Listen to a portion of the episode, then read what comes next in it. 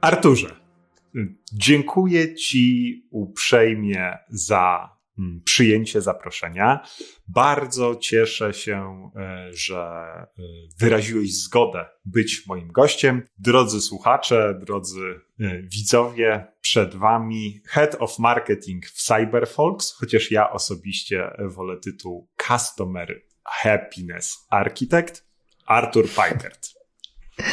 Cześć, e, cześć Mike, cześć kochani. Ogromnie się cieszę z tego zaproszenia. Dzięki wielkie, że o mnie pomyślałeś, e, bo tematy martechowe to jest naprawdę moja pasja e, i po prostu jestem tak pozytywnie nakręcony na tą naszą rozmowę. Mam nadzieję, że uda nam się zaciekawić naszych odbiorców. No, w takiej audycji jak Martech Well Done osobę o tak technicznym i marketingowym backgroundzie jak ty, no byłeś top 5 e, osób, które wypisywałem sobie e, liś, na liście, także bardzo, bardzo cieszę się, że, że, je, że to zaproszenie przyjąłeś.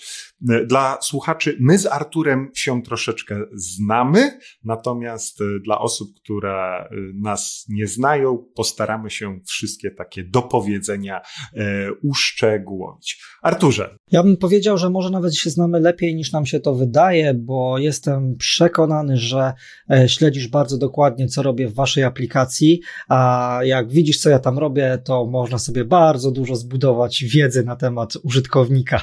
Więc podejrzewam, że wiesz o mnie więcej niż ja sam po tym, jak ja ruszam myszką w usercom. Wiem, natomiast przyznam się szczerze, że jak przygotowywałem się do wywiadu z tobą, to głównie czytałem twoje publikacje w mediach społecznościowych i, i tą okay. twoją e, aktywność. Arturze, y, na początku zacznijmy od bardzo trudnego pytania.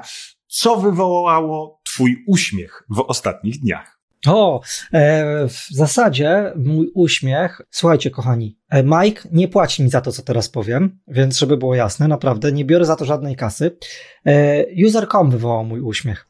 E, ale dlaczego? E, dlatego, że jako marka CyberFox jesteśmy dużym graczem na rynku hostingu w Polsce, natomiast mamy też biznesy mm, poza Polską, w Rumunii i w Chorwacji. I e, tam działamy na dzień dzisiejszy pod lokalnymi markami. E, natomiast e, chcemy jak najwięcej rzeczy związanych z marketingiem i takich marketingowych aktywności uwspólniać. I po prostu E, User.com jest jednym z tych narzędzi, które bardzo łatwo będziemy w stanie zaaplikować przez to, że mamy już e, takie know-how e, wyniesione z Polski, jak, jak tutaj to narzędzie nam się sprawdzało. Będzie nam bardzo łatwo zaaplikować to na mm, inne po prostu rynki.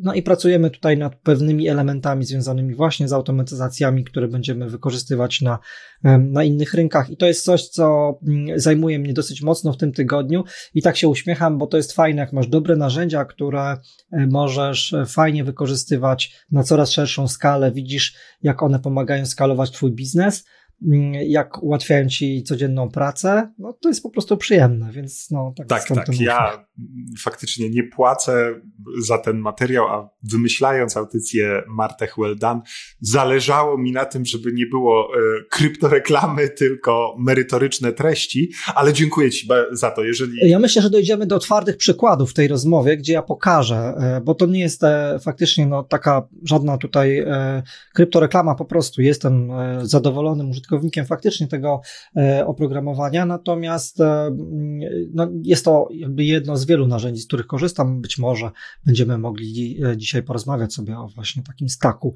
narzędziowym też marketingu. To będzie głównym tematem naszego, naszej rozmowy, ale żeby nasi goście poznali Cię szerzej, to jakbyś mógł troszeczkę powiedzieć o, coś o sobie, co kryje się pod e, frazą siła, moc, energia, która mi się od razu kojarzy z tobą, e, oraz o tym, czym jest Cyberfolks, albo troszeczkę o skali biznesu. Okay. Powiedziałeś już okay, okay, o tak, tych tak. wielu krajach. Jakbyś, nie wiem, ilość stron, mhm. które trzymacie na serwerach. Jasne. My obsługujemy około ćwierć miliona klientów. z czego około 200 tysięcy to są klienci w Polsce. Obsługujemy około połowy polskiego e-commerce'u rozumianego jako PrestaShop i, i WooCommerce, czyli takie dosyć popularne technologie e-commerce'owe. No i jesteśmy aktywni przede wszystkim w Polsce, gdzie udało nam się zmerdżować wiele marek hostingowych. W pewnym momencie mieliśmy ich kilkanaście.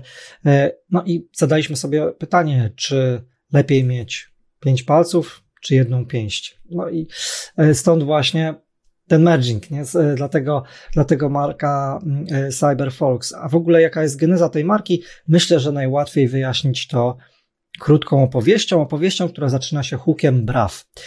Więc ten hook braw był ogłuszający jak start kosmicznej rakiety, a bohater naszej opowieści nigdy nie spodziewał się, że zdobędzie pierwsze miejsce.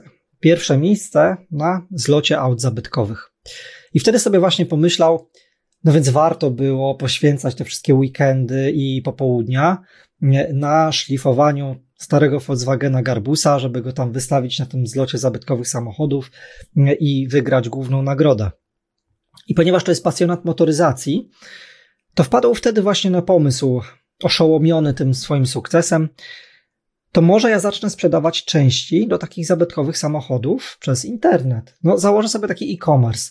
E, bądź co bądź znam się na motoryzacji, to jest moja pasja. Od lat restauruję te samochody, e, więc założę taki specjalistyczny sklep z częściami do starych samochodów. No i to jest wszystko fajnie. To jest super pomysł, bo ktoś ma pasję, ma pomysł, jak ją przekuć e, na pieniądze. To wtedy zawsze jest taka przyjemna praca, jak zarabiasz, robiąc coś, co po prostu kochasz.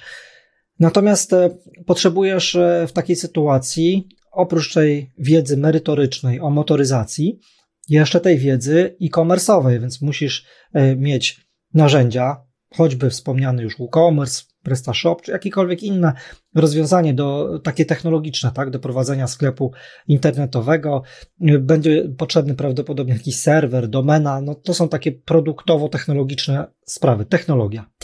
Z drugiej strony, no świetnie się znasz na motoryzacji, ale niekoniecznie na tej technologii, więc e, możesz nie umieć sobie zainstalować tego WordPressa, skonfigurować, nie wiem, poczty we własnej domenie i tak dalej, i tak dalej, więc będziesz też potrzebować wsparcia, najlepiej wsparcia kogoś, kto tak jak ty się pasjonuje motoryzacją, to żeby ten ktoś tak się pasjonował serwerami, technologiami e, i mógł ci po prostu pomóc i podpowiedzieć, jak teraz e, ten sklep poprowadzić, jak go w ogóle uruchomić, zainstalować, odpalić e, i później też jak go prowadzić, żeby mm, on faktycznie realizował swoje biznesowe cele. Czyli potrzebujesz technologii i wsparcia.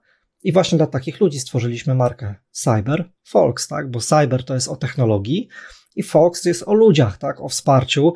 E, czyli tak, cyber to jest bardziej to, co ty dostajesz w warstwie produktowej serwer, procesor, e, oprogramowanie, wydajność, e, page speed, e, IOPSy, TTFB, strasznie twarde rzeczy. Strasznie. TTB to nawet ja nie mam pojęcia, co to jest. Tak, tak ta, time to first byte, czyli okay. szybkość, czas, po którym się pierwszy byte odpowiedzi pojawia, kiedy okay. wczytujesz jakąś stronę internetową. Taki istotny parametr dla osób, którym zależy na wysokiej pozycji w wyszukiwarce. Okay. Czyli masz taką bardzo technologiczną część i to jest to cyber, ale właśnie na drugiej szali jest Fox, czyli w zasadzie nie to, co dostajesz, tylko to, jak się z tym czujesz.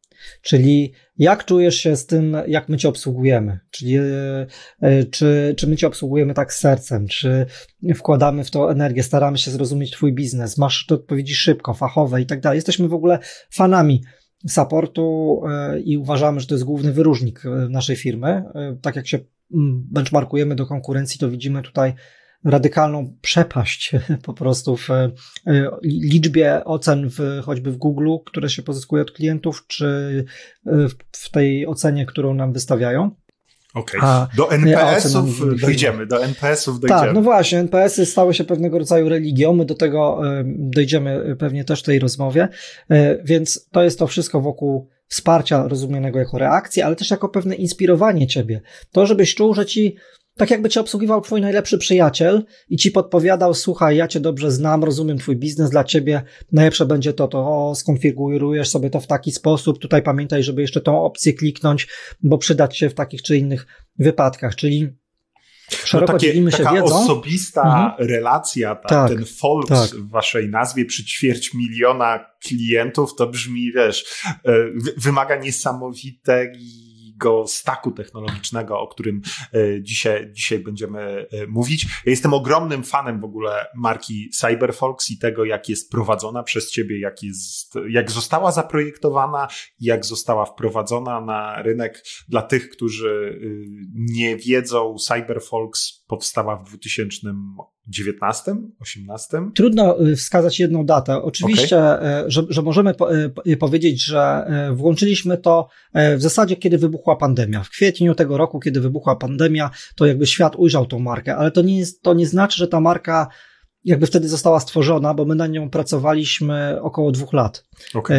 nad, nad koncepcją tej marki wcześniej. To, to było bardzo dużo pracy, również tak bym powiedział, i świadomie, i nieświadomie. Nieświadomie, bo zbieraliśmy doświadczenia z innych marek, które jeszcze nie mając w głowie tej docelowej mhm. marki CyberFox, ale już te doświadczenia bardzo mocno zbieraliśmy no można powiedzieć przez około 20 lat, bo, bo, bo, bo jako grupa kapitałowa to, to, to jest ponad 20 lat doświadczeń już prawie ćwierć wieku tak naprawdę, to, yy, to, to, zbieraliśmy te doświadczenia, a przez dwa lata, kiedy już wiedzieliśmy, że chcemy mieć jedną silną markę, to bardzo mocno pracowaliśmy. To, była, no, to był duży taki zbiorowy wysiłek, bo był zaangażowany zarząd i menedżerowie po naszej stronie oraz cały szereg e, partnerów zewnętrznych, różnego rodzaju agencji, które, e, czy, czy specjalistów zewnętrznych.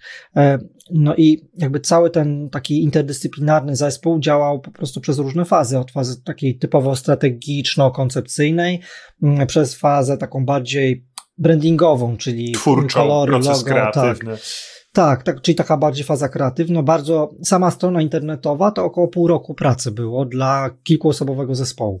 Ja polecam śledzić Artura chociażby na LinkedInie, bo to, jak Artur e, dopracowuje szczegóły komunikacji e, takiej związanej z brandingiem, jak e, ci, którzy nas nie słuchają, a widzą, jak piękne studio i te dopracowane szczegóły, tak, tak, ten kolor żółty w tle, ten kubek, ja ci zawsze zazdroszczę tego kubka żółtego na zdjęciach. Po prostu um, mam bluzę, także nie, że... Jak ktoś będzie widział, jest tak, są, są takie detale, których możecie nie widzieć, ale one istnieją.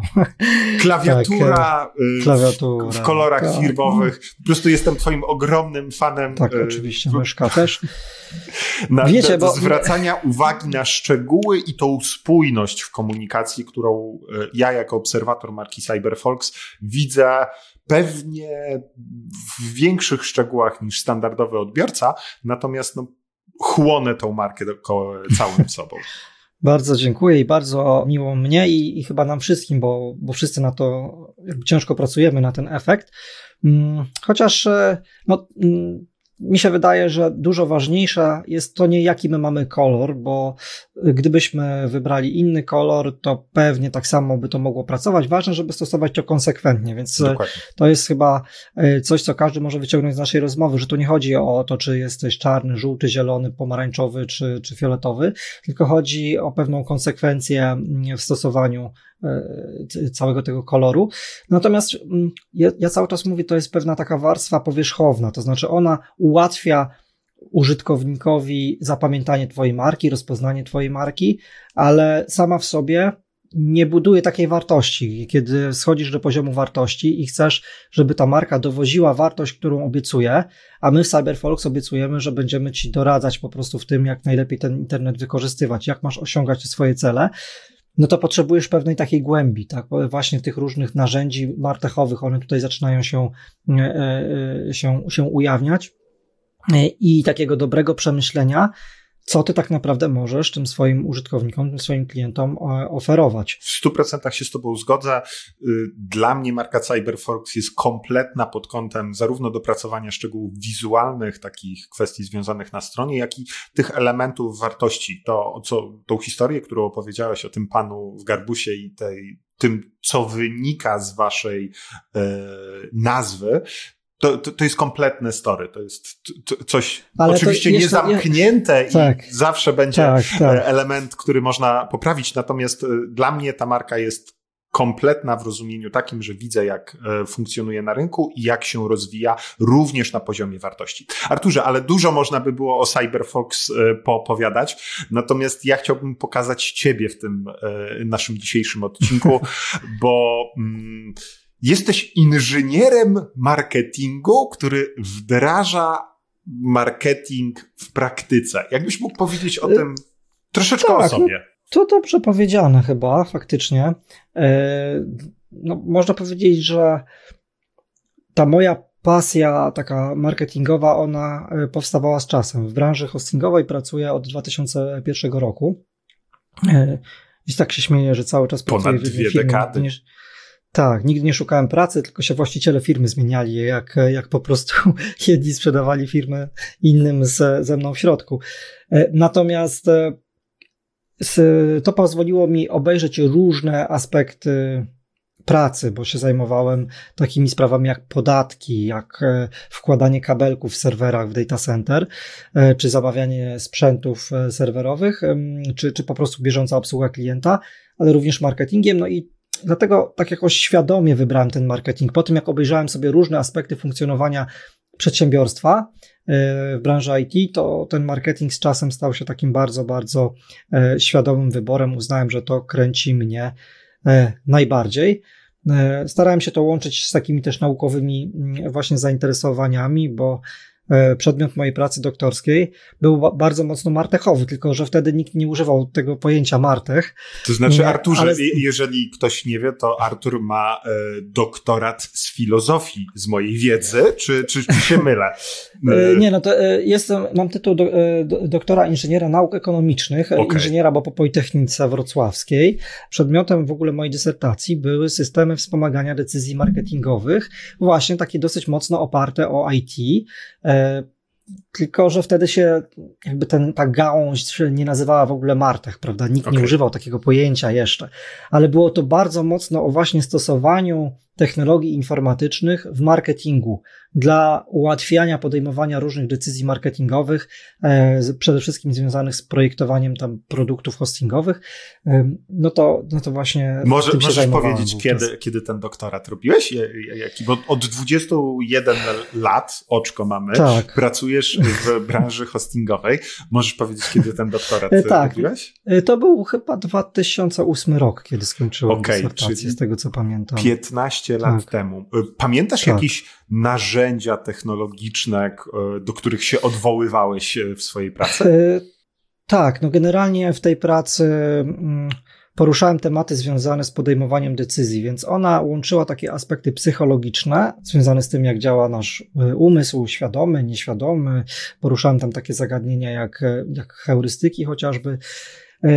Natomiast z punktu widzenia takiego inżyniersko-matematyczno-informatycznego, mhm. to tak, no to mm, takie rzeczy, którymi tam się zajmowałem, to sieci neuronowe, e, systemy ekspertowe e, i e, takie metody podejmowania decyzji wielokryterialnych, to szczególnie mnie interesowało, jak na przykład metoda Bellingera czy analityczny proces hierarchiczny. No to są wszystko takie metody, które, kiedy masz jakiekolwiek E, sprawy takie z podejmowaniem jakiejś decyzji, no to zazwyczaj masz wiele kryteriów. Nie, nie wiem, wybierasz samochód i się zastanawiasz, ile on kosztuje, ile on pali, jaki ma bagażnik, jakie ma osiągi i tak dalej, i tak dalej. Bardzo wiele kryteriów.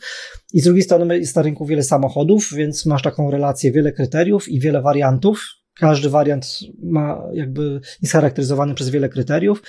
No, no to, to, to, ta jedna wybiera, część nie? mózgu, Kahneman tak. się nam kłania, to ta racjonalna część tak. mózgu teoretycznie coś y, racjonalizuje podjętą decyzję tej zwierzęcej części mózgu, z tego co ja się orientuję, ale to może jest, się mylę. Tak, to jest, znaczy temat jest e, rzeczywiście dosyć złożony, natomiast no, no właśnie takimi sprawami się tam zajmowałem w kontekście usług IT właśnie i rynku hostingowego, gdzie starałem się pokazać, że można zbudować system, który odrobinę, nawet bym powiedział, nawiązuje do tego, co dzisiaj znamy jako marketing automation, e, czy Google Analytics, może gdzieś tam coś pomiędzy, e, dlatego że system, który z jednej strony pomaga ci podejmować decyzje jako klientowi, bo zakładałem wtedy, zwłaszcza no, 15 lat temu, ludzie rozumieli Folks dużo pomoc, słabiej. Folks tak. i pomoc tak. wymyśliłeś już 15 lat temu. No, no troszkę tak, troszkę tak. Nie? Tam się odpowiadało na, na zestaw prostych pytań, typu ilu masz pracowników w firmie, w jakiej branży działa twoja firma.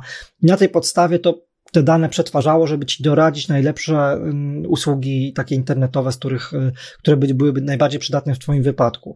Ale z drugiej strony zbierało też właśnie te informacje, więc tak się śmieję, że tak trochę jak system marketing automation albo, albo jakaś dobra analityka e, internetowa, bo bo użytkownicy mieli tą korzyść, że system na końcu dawał im podpowiedź w dziedzinie, w której nie są zbyt mocni, tak, bo to był system zaprojektowany nie dla zawodowych informatyków, tylko dla powiedzmy przedsiębiorcy, który chce e, uruchomić swoją stronę internetową i się zastanawia, jakie usługi są mu do tego potrzebne.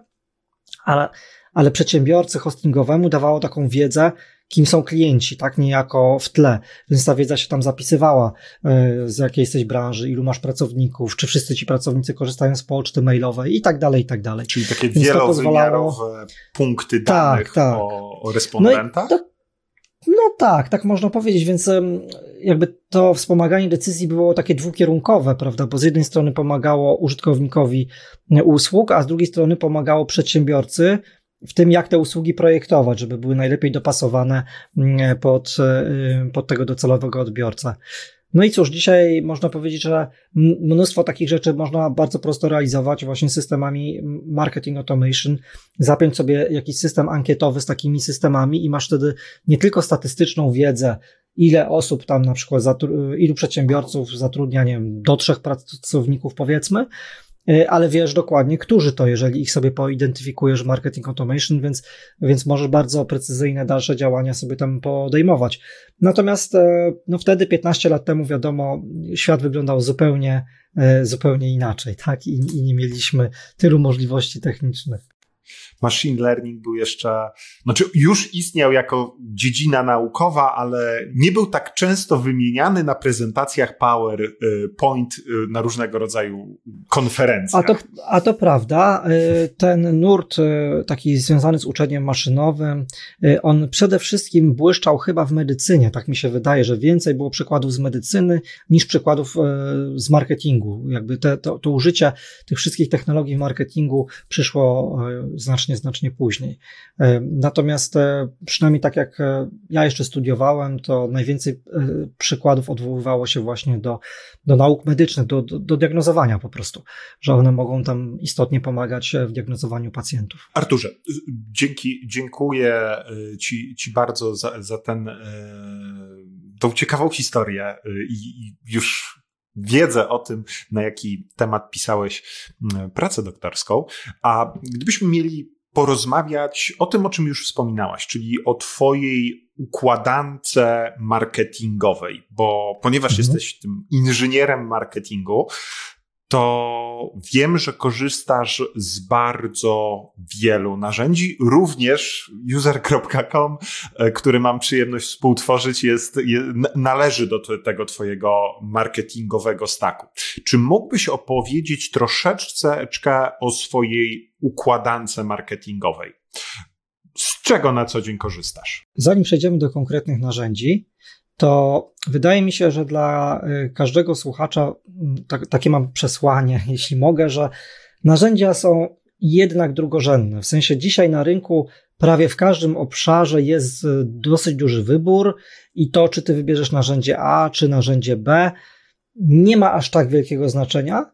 Znaczenie ma to, czy ty masz pomysł, jak z tego narzędzia korzystać, e, bo możesz mieć najlepszy system, najdroższy system, największy system, a jeżeli nie masz pomysłów, to będą tylko zmarnowane pieniądze. I odwrotnie, jeżeli masz fajny pomysł, to możesz go zrealizować w oparciu o jakieś proste, bezpłatne komponenty i nie będziesz e, potrzebować żadnych szczególnych nakładów na jego wdrożenie. I może się okazać, że w marketingu przyniesie ci on bardzo dobre, y, mierzalne rezultaty. Podpisuję się no, pod tym y, dwoma rękami. jako dostawca technologii bardzo często powtarzam y, moim klientom, że to jest tylko młotek, to jest tylko narzędzie, które ma prowadzić do celu i cała audycja Martech Well Done ma dotykać nie tylko tego, jakich narzędzi korzystasz, w sensie bardzo fajnie, że abym poznał markę mhm. twojego mhm. młotka, twojej piły, twojego śrubokręta, bo to pozwala,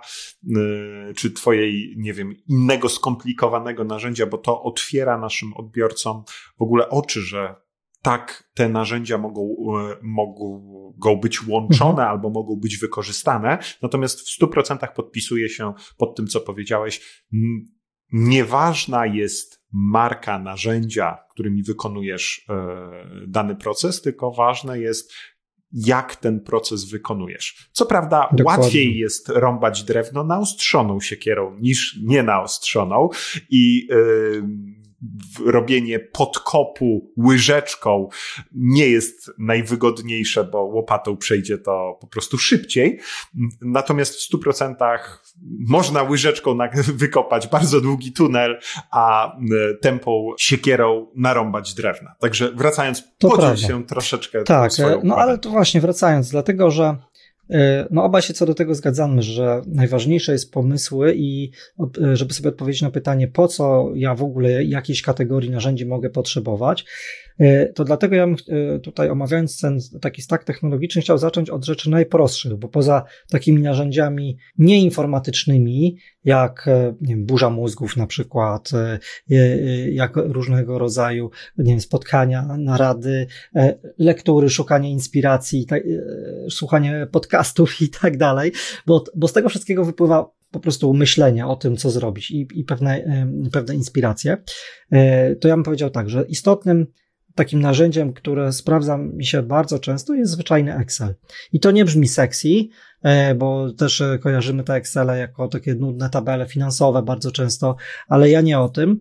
E, ja o tym, że po prostu najszybciej, najłatwiej, czasami na takim pierwszym etapie, rozpisać sobie pewne koncepcje, policzyć sobie jakieś podstawowe parametry, e, zrobić jakieś najbardziej podstawowe oszacowania, to zwyczajnie najszybciej mi to idzie w Excelu. Dlatego e, u mnie się to sprawdza, e, czy, czy ta wersja Google'owa, Google Sheets, czy wersja od Microsoftu. No, tak naprawdę dla mnie to jest po prostu narzędzie bardzo użyteczne, ponieważ pozwala mi bardzo szybko wizualizować pomysły w sposób, którym łatwo mogę się dzielić z innymi. Oni nie muszą mieć żadnych specjalistycznych kwalifikacji czy narzędzi, żeby móc e, to zrozumieć.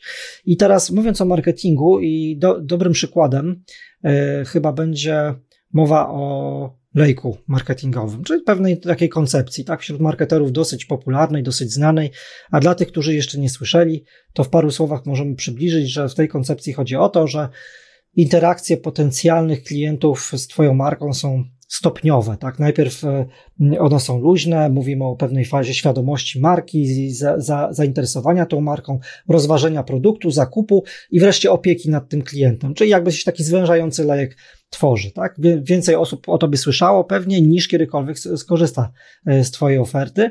E, no, no więc jak sobie myślisz o tym lejku, to on ma pewne fazy. I teraz na każdej z tych faz projektujesz inne działania marketingowe mm, i mierzysz je innymi miernikami, inne KPI sobie tam dobierzesz, tak? No bo na przykład na fazie zakupowej, która zazwyczaj jest taka bardzo emocjonująca, to KPI są najczęściej proste, bo się wiążą po prostu z liczbą zamówionych e, produktów bądź, bądź usług. Możesz tam się skupić na jakiejś konkretnej grupie produktowej, jeśli ci na niej zależy, badać sobie jakąś tam dynamikę w czasie mm, i tak dalej, ale generalnie chodzi o transakcyjność. E, tak, to się, fazie, to się najbardziej tak. liczy. Ilość I, i, to, i to, się, to jest takie, prawda, wszystkim o to chodzi, dobra, to są te konwersje, o które nam chodzi i tak dalej, ale żeby do tego w ogóle mogło dojść, to wcześniej ktoś musi w ogóle się zastanowić, czy chce Twój produkt kupić, czyli jakaś jest faza rozważenia. Może się mierzyć na przykład tym, ile osób w ogóle ogląda Twój produkt, tak? czyli rozważa, czyli jest na stronie tego produktu, spędza tam ileś sekund, e, przewija sobie, coś czyta o tym produkcie, mhm. rozważa konkretny produkt, nie? więc masz czym zmierzyć fazę rozważenia jakąś fazę zainteresowania w ogóle Twoją marką. Załóżmy, że sprzedajesz plecaki i robisz poradnik, e, jak wybrać plecak na weekend w górach na przykład, no to jak sobie po, po, y, policzysz ile razy ktoś, po, y, ile było pobrań tego poradnika, no to w jakiś sposób mierzysz fazę takiego zainteresowania, tak, twoją marką w ogóle. Oni nie są jeszcze gotowi kupić twój plecak tu i teraz, ale prawda, no, no, no ogólnie na tym polega ta koncepcja, no więc czy model AIDA, Mamy... Awareness, Interest, Desire, tak, Action, tak, bo to... czy, czy, czy, tak, czy dokładnie. Czy, czy, czy według Kaushika, no, no mamy kilka koncepcji, ale one są dosyć do siebie podobne, że, że gdzieś tam y, ma to formę pewnego klina, pewnego lejka. Mhm. No i dobra, to, to mamy pewne fazy. Ale teraz w większości biznesów, przynajmniej tych lepiej zdefiniowanych biznesów, to ty nie sprzedajesz swoich produktów każdemu, mhm. tylko pewnym segmentom, prawda? No więc teraz może sobie tak pomyśleć, no dobra, to jak wiem już, że jest ta rozpoznawalność, zainteresowanie, rozważenie, zakup, opieka i tak dalej, tak? Mamy jakieś tam fazy lejka, ale teraz yy, jak projektujesz swoje działania, no to potrzebujesz, yy, żeby one precyzyjnie do konkretnego segmentu trafiały, czyli yy, w przypadku osób, które są moimi klientami, czy, czy może podmiotów, bo to są często firmy, które są e, klientami CyberFox, no to można powiedzieć, że mm, takim przykładowym segmentem e, mo mogą być właściciele sklepów internetowych. E, tak? I, i robisz mm, jakby musisz odpowiedzieć na pytanie, jak ty będziesz realizować wszystkie fazy lejka wobec właścicieli sklepów. Potem na przykład możesz sobie Zwłaszcza, że każdy, każdy tak. y, każda ścieżka jest inna i wyobrażam Każda ścieżka jest inna, dokładnie. Ścieżka dokładnie. I potem tego potencjalnego właściciela tak. garbusa, który postanowił no sprzedawać no dokładnie, części, dokładnie wygląda tak, tak. inaczej niż ścieżka fotografa. No, dokładnie. No. Oczywiście, właśnie. Masz drobny biznes e, fotografów, właścicieli tam na przykład lokali gastronomicznych, fryzjerów, szkoły językowe, przedszkola i tak dalej. E, masz e, deweloperów, którzy zawodowo tworzą strony, czyli oni nie kupują usługi dla siebie, tylko dla swojego klienta zazwyczaj, prawda? Oni mhm. E, robią strony komuś, e, specjalistów e, SEO i tak dalej, i tak dalej. Czyli masz tych segmentów dosyć dużo, tak? I wiesz, prowadzisz siłownię, no to też możesz powiedzieć, że w swoim targecie mogą być, nie wiem, osoby na przykład zarówno młode, które po prostu chcą być sprawne, od początku. Są na przykład osoby, które typowo chcą zrzucić wagę, przychodzą, bo są otyłe, mają na przykład 30 lat, wielki brzuch i, i chcą coś z tym zrobić. Są na przykład osoby po zawale, które jakąś rekonwalescencję prowadzą, tak, i tak dalej, i tak dalej. Więc też możesz sobie mm, jakoś tam to po, potargetować. Z mojego doświadczenia potrzebuje... jeszcze troszeczkę mhm. inaczej konwersja wygląda na tym szczycie lejka, bo jeżeli stworzysz jakiegoś lead magneta dla osób, które nie wiedzą, lead magnet to jest taki kawałek treści, za którą klient jest w stanie zapłacić swoimi adresami, adresem mail, mailowym lub numerem telefonu. Jeżeli stworzysz na przykład lead magneta dla fotografów, jak fotografować lepiej, to ludzie będą to ściągać co niekoniecznie wpisuje się e, w konwersję na dalszym etapie lejka, że będą tworzyć stronę razem z tobą. Tymczasem jak stworzysz e,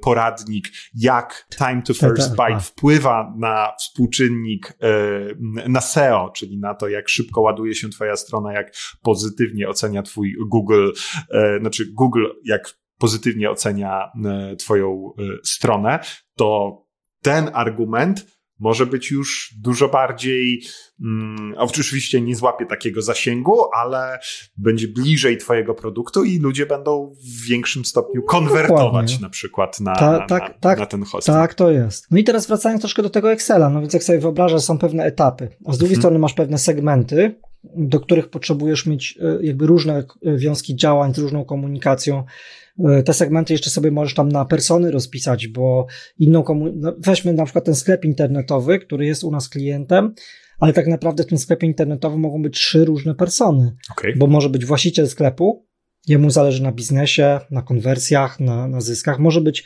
e, osoba odpowiedzialna za SEO w tym sklepie, który będzie zależeć właśnie na tych parametrach typu Core Web Vitals, TTFB, e, czy, czy jakichś innych tam sprawach związanych z czy takim optymalizacją tego sklepu pod kątem SEO. I on nie tyle odpowiada za wynik finansowy, ale za widoczność w Google i pozycję, które ten mhm. sklep e, ma, prawda? To, to jest jego zakres odpowiedzialności. I może być jakiś szef IT, jakiś deweloper, który odpowiada za to, żeby ten sklep po prostu działał i się nie psuł. I jest rozliczany za coś jeszcze innego, prawda? Więc masz trzy różne persony, więc potrzebujesz jednej powiedzieć, że ten sklep zarobi, drugiej, że się nie psuje, a trzeciej, że będzie wysoko w Google, nie? Więc masz trzy różne ścieżki komunikacyjne. No, Pod tak jeden naprawdę... ten sam sklep. Tak, jeden i ten sam sklep. Więc e, tak naprawdę, no, takie proste narzędzie jak Excel ułatwia takie szybkie um, prze, przekładanie takich takich, przepraszam, pomysłów na, na język pisemny, na, ułatwia dzielenie się tymi pomysłami, no bo sobie możesz łatwo to spisać. Spisujesz sobie w wierszach fazy tego lejka, w kolumnach sobie wpisujesz te segmenty docelowe, a na przecięciach projektujesz to, co się ma dziać po prostu, nie? Więc to jest prosta koncepcja, która. Jednocześnie jest uporządkowana. To, to... Staje się bardzo uporządkowana właśnie przez to, że ją nanosisz na, na zwykły grid po prostu arkusza kalkulacyjnego. Dlatego się śmieję, że to jest narzędzie uniwersalne i proste. Czyli rozumiem, ale... że burze mózgów e, ludzie korzystają, e, nie wiem, z Miro, Jamboarda czy innego, innej strony e, do, służącej do konceptualizacji naszej burzy mózgów, natomiast ty spisujesz notatki z burzy mózgów w Excelu wtedy, kiedy ma to sens, tak? Wtedy, kiedy wiem, że po prostu w marketingu macierze wszelkiego rodzaju, mhm. takie są bardzo popularne, prawda? No tutaj mamy taką, tworzy się taka macierz, e, że z jednej strony masz fazy, a z drugiej strony masz segmenty i ona jest pewną osią w ogóle myślenia, jak dla mnie, o marketingu, bo ja wtedy sobie mogę kontrolować wszystkie działania marketingowe w uporządkowany sposób. Każda moja kampania musi, czy wszystkie, wszystkie w ogóle działania marketingowe, no, muszą mieć swoje osadzenie w takiej właśnie y, prostej mapie, bo jeżeli się nie wpiszą w żadną kolumnę i żaden wiersz, to znaczy, że one są bez sensu prawdopodobnie z punktu widzenia mojego marketingu i nie powinienem nic Ja robić, szukam nie? cały czas nagłówka na ten tak. y, odcinek, to będzie fotograf, y, pasjonat fotograf, który y, tworzy y, mapy myśli w Excelu. To, to się będzie klikać. okay tych macierzy, czy jak robisz, nie wiem, benchmarking z konkurencją. No, Excel jest po prostu prosty, wszyscy go znają i przez to jest bardzo taki użyteczny i dla wielu marketingowych zastosowań uważam, że naprawdę nie trzeba niczego bardziej specjalistycznego. W stu procentach się zgadzę kochamy Excela, kochamy spreadsheety, zwłaszcza, że w moim odczuciu większość osób nie wie, jak e, bardzo potężnym narzędziem jest e, Excel. Marketerzy mają problemy bardzo często, wiesz, z prostymi tabelami przestawnymi, nie mówiąc e, o tak. jakichś makrach i, i łączeniu innych wersji danych, które naprawdę Excel wystarczy do analizy wszystkiego, a z tego, co opowiadasz, to y, również do tej konceptualizacji myśli, jak tak, to wszystko ułożyć. Tak. Super. Mhm, tutaj, Mamy Excel. Tutaj to, tutaj to, to, to gra bardzo, nie, bardzo dobrze. E, no, e, na każdym etapie coś mierzymy. Tak? Okay. E, więc wszystkie narzędzia, które ułatwiają nam mierzenie wyników, bardzo nam się przydają. To opowiedz o, o Google, swojej konstrukcji tak. właśnie mhm. analitycznej, bo Jasne. mamy Excela, który jest Jasne. wyrocznią na samym końcu. Nie, no to wszyscy... jest no, tak, na, na pewnej grubej, no, zazwyczaj używamy go do takich grubszych koncepcji, właśnie głównie wtedy, kiedy potrzeba coś pokazać jako pewne tabele, macierze e, i to jest po prostu czytelne dla wszystkich. Mhm. E, ma, Excel też się przydaje, właśnie trochę tutaj przechodzę do analityki, bo trzymamy w nim po prostu mapy e, UTM-ów i mapy eventów, E, mhm. tak żeby cały zespół też e, po prostu za tym nadążał i żebyśmy spójnie sobie to, e, to trzymali. Więc do czego używamy tych eventów? Czyli w UTM, UTM to dla osób, które nie wiedzą, to są takie parametry, które dodawane do URL-a, na który przeklikuje się e, użytkownik, umożliwiają analitykę ruchu na stronach internetowych, zarówno w Google Analytics, jak i każdym tak naprawdę innym e, narzędziu analitycznym. E, I rozumiem, że macie takiego Excela z, czy Google Spreadsheeta, mogę się domyśleć, z bazą nazw, co wrzucacie na kampanię, co wrzucacie na ten. Tak, dokładnie, dokładnie. To jest po prostu jakby mała sprawa, to nie jest nic technicznie trudnego do zrobienia, a bardzo ułatwia nam pracę. I porządkuje. Bo, I porządkuje, tak, bo potem dzięki, e, dzięki temu nie ma bałaganu. A jeszcze ważniejsze jest chyba mapa eventów, które e, również mamy opisane w dość ustrukturyzowany sposób. No, e, eventy, czyli to są pewne zdarzenia, tak? Bo e, w analityce generalnie to tak, wie, są pewne stany, czyli wiemy coś ogólnie o użytkowniku, e, że na przykład jest na jakiejś stronie, czy tam przed na jakąś stronę, ale co on tam dokładnie robił na tej stronie, czy, czy jakieś inne takie dynamiczne rzeczy, to najlepiej właśnie przez pryzmat zdarzeń je zanalizować.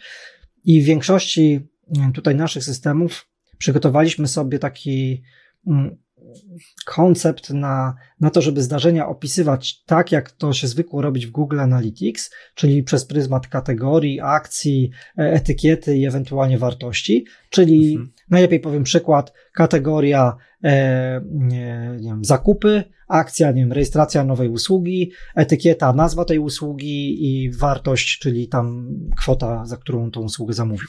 To są jeszcze takie, e, z mojej perspektywy, osoby, która troszeczkę siedzi w Analyticsie, to, to, to takie oldschoolowe GA3, trzy wymiary, tak. do, do każdego eventu można było w Google tak, tak, tak, Analytics tak, tak, tak. tylko dodać. W GA4 w ogóle no, konstrukcja danych gdzie jest użytkownik i eventy, i do tych eventów można dodatkowo więcej e, wymiarów dodatkowych dołożyć.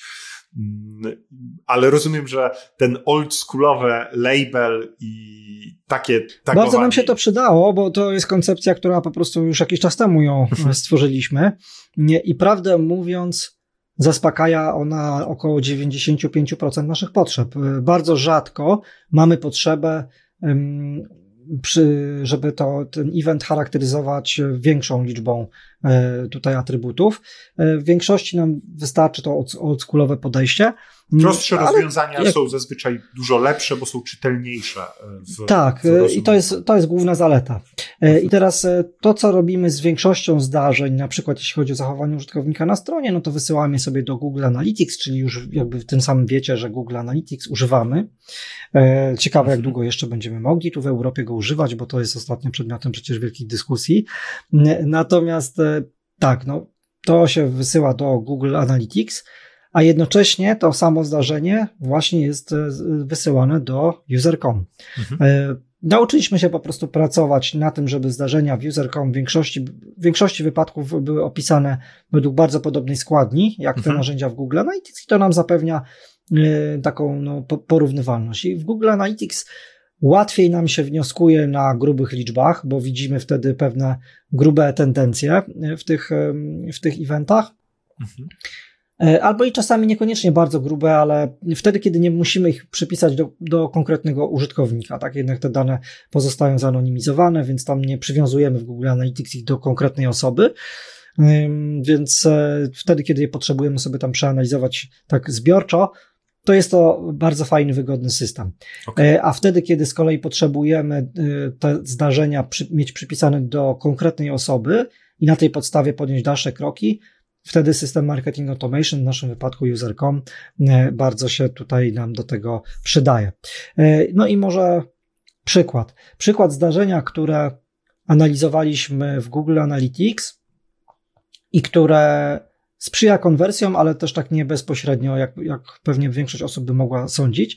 E, to jest e, jako eventy puszczamy błędy w e, walidacji formularza rejestracyjnego, czyli jeżeli wpiszesz zły adres mailowy, tak, albo zły numer NIP, coś takiego tam Ze przy rejestracji. albo bez, tak, bez tak. Jak, i, I formularz wyrzuca jakiś błąd walidacji, że musisz coś poprawić, prawda? Adres musi zawierać małpę, czy tym podobne rzeczy to my tego typu zdarzenia wszystkie zaczęliśmy sobie wyrzucać do analityki z jakąś tam kategorią błędy formularza, w akcji sobie mhm. piszemy nazwę pola, w labelu, czyli tej etykiecie piszemy sobie komunikat błędu, który się wtedy pojawił. I to nam pozwoliło bardzo szybko wyłapywać, e, że na przykład pole na hasło było dla naszych użytkowników bardzo problematyczne, że dużo mhm. osób wpisywało zbyt proste hasło nie, bo była pewna walidacja, że hasło musi mieć tam co najmniej ileś znaków i jakiś poziom złożoności, prawda? Jednak Niestety w szkołach ludzie... podstawowych nie uczą e, tego, że menadżer haseł jest podstawowym narzędziem, które każdy, e, no każda właśnie, osoba tak. posiadająca komputer po instalacji to, przeglądarki powinna zainstalować. E, tak, ale... jakiś sposób zarządzania hasłami bardzo się przydaje. No i właśnie to jest przykład taki statystyczny, że ja nie muszę koniecznie do tego konkretnego użytkownika mieć przypisanego, ale widzę, że dużo użytkowników ma z tym problem, a to jest dla mnie wiedza UX-owa, którą mogę wykorzystać dla przeprojektowania tego formularza, na przykład dać mały przycisk generuj hasło. przykładowe hasło. Nie? E, I, I to jest właśnie przykład na to, że czasami taka wiedza zebrana statystycznie e, jest w pełni wystarczająca. A pamiętasz może case, ile udało wam się poprawić konwersję na tym, na tym formularzu? Cyferki jakieś takie, żeby... żeby A nie, nie chciałbym wprowadzić w błąd, więc my tak dużo tego robimy, że niestety tutaj okay. konkretnego nie potrafię Jasne. podać w tym momencie. Ale mogę z tego co pamiętam, to około 60% właśnie wszystkich błędów to był ten błąd hasła, dlatego okay. zabraliśmy się za to w pierwszej kolejności, e, bo, bo widzieliśmy, że ten, to bardzo było wyraźnie, że że akurat to pole sprawiało e, tą trudność. Nie? I to jest fajne, bo, e, bo w Analyticsie od razu to widzisz. No, po to prostu. jest potęga danych, czyli dane bez, nazwijmy, zrozumienia tych danych nie mają żadnej wartości, ale dane, które, mm, z których jesteś w stanie wyciągnąć wnioski, mogą priorytetyzować Twoją roadmapę, czy priorytetyzować mhm. to, na czym się powinieneś y, skupić. Także Dokładnie. pierwsza rzecz genialnie, że, że masz, masz porządek w tych danych i rozumiesz, po co konkretne eventy zaprojektowałeś, ale no, dla mnie fantastycznie jest słyszeć, że po prostu wyciągamy z tego wnioski i przekładamy to na działanie, które poprawia konwersję. No, o to chodzi w całej tak, układance tak, tak. marketingowo-technologicznej. Z kolei tutaj byłoby to trudno wykorzystać per konkretny użytkownik, bo gdybym mhm. ja jemu od razu e, pięć minut później wysłał maila, hej, widzę, że nie możesz tam e, nadać hasła, e, to sobie przeczyta jakiś poradnik o hasłach, to on by się mógł poczuć za bardzo nie, nie, szpiegowany, że tak. ja obserwuję, jakie hasło on próbuje wpisać i, i, i nie wiadomo, co ja robię z tym hasłem. Więc e, byłoby to trudne do takiego zaadresowania jeden mhm. do jednego. Dlatego mm, tu akurat się bardziej sprawdziło podejście statystyczne. Natomiast są podejścia, gdzie właśnie wprost przeciwnie, to zaadresowanie jeden do jednego jest bardzo ważne. I A jesteś przykład... w stanie właśnie taki przy, przykład Tak, podać? tak. Mhm, oczywiście. E, e, przykład to jest audyt strony internetowej. Mhm. Jeden z naszych właśnie słynnych lead magnetów. Z tego audytu już kilkaset tysięcy osób skorzystało, tak grubo ponad 300 tysięcy. Podlinkujemy, nie, podlinkujemy osób, fantastyczne, co, tak. fantastyczne narzędzie. Co, co, co kilkaset tysięcy razy. Osób może mniej, bo, bo bywało tak, że ktoś korzystał kilka razy z rzędu, y, modyfikując swoją stronę i sprawdzając, jak to wpływa na wynik tego audytu, więc e, mamy takich fanów narzędzia, którzy tam używają go tak co parę minut, coś zmieniają i ponownie, ponownie, ponownie. E, no ale y, jest to narzędzie szeroko używane. I teraz w tym narzędziu Y, kiedy ktoś audytuje swoją stronę, no to my wyświetlamy mu te przeanalizowane informacje. Jedną z tych informacji jest chociażby właśnie TTFB, Time to First Byte, czyli jak szybko pojawił się pierwszy byte Twojej strony. Y, analizujemy też technologię, na przykład y, czy ta strona jest na WordPressie, na jakiej wersji WordPressa i tak dalej. I teraz, jeżeli my to wszystko wysyłamy do user.com jako pewne zdarzenie, że ktoś wykonał audyt z pewnymi atrybutami, że ten audyt ujawnił to, to, to, to, to i to, to możemy sobie w, y, bardzo łatwo zaprojektować y, dalszą ścieżkę komunikacji, ponieważ ten użytkownik dobrowolnie właśnie zrobił audyt. W tym audycie wyszło, że ma na przykład nieaktualnego WordPressa, który się wolno ładuje, to wtedy w spersonalizowany sposób możemy mu powiedzieć: Hej, zauważyliśmy, że robiłeś audyt i widzimy, że masz WordPressa, notabene przestarzałego, dlatego przeczytaj sobie tu na blogu jest artykuł o tym, jak to aktualizować, dlaczego warto trzymać aktualne wersje i tak dalej, a tu z kolei znajdziesz artykuł, jak przyspieszyć działanie Twojego WordPressa, e, bo zauważyliśmy, że wczytuje się znacznie wolniej niż podobne strony, bo Twoje TTFB wynosiło tyle, a tyle. E, I w tym momencie użytkownik może dostać coś bardzo kontekstowego e, do akcji, którą wykonał przed chwilą. Tak? I tutaj informacja statystyczna Owszem, też gdzieś tam możemy ją wykorzystać, choćby w content marketingu, mówiąc, że jakiś procent stron wczytuje się na przykład w takim czasie, albo jakiś procent stron e, ma przestarzałego WordPressa. Tak, no, zbieracie dane, które są tak. atrakcyjne tak. dla, dla waszych odbiorców, albo zwłaszcza tych e, przedstawicieli agencji, którzy potrzebują tych danych do, do, do, do tak, sugerowania tak, pewnych tak. rozwiązań klientom. Mhm. Dokładnie. No i tutaj e, przez to, że ten event z odpowiednimi parametrami, właśnie co wyszło w tym audycie, puszczamy do usercoma, no to na, bazując na tym możemy sobie zbudować e, już automatyczną komunikację do konkretnego użytkownika, odnoszącą się bezpośrednio do tego, co z tego audytu wynikało, czyli każdy dostanie coś innego, prawda? Jak ci wyszło, że masz PrestaShop, to ci nie wyślemy artykułu na temat WordPressa.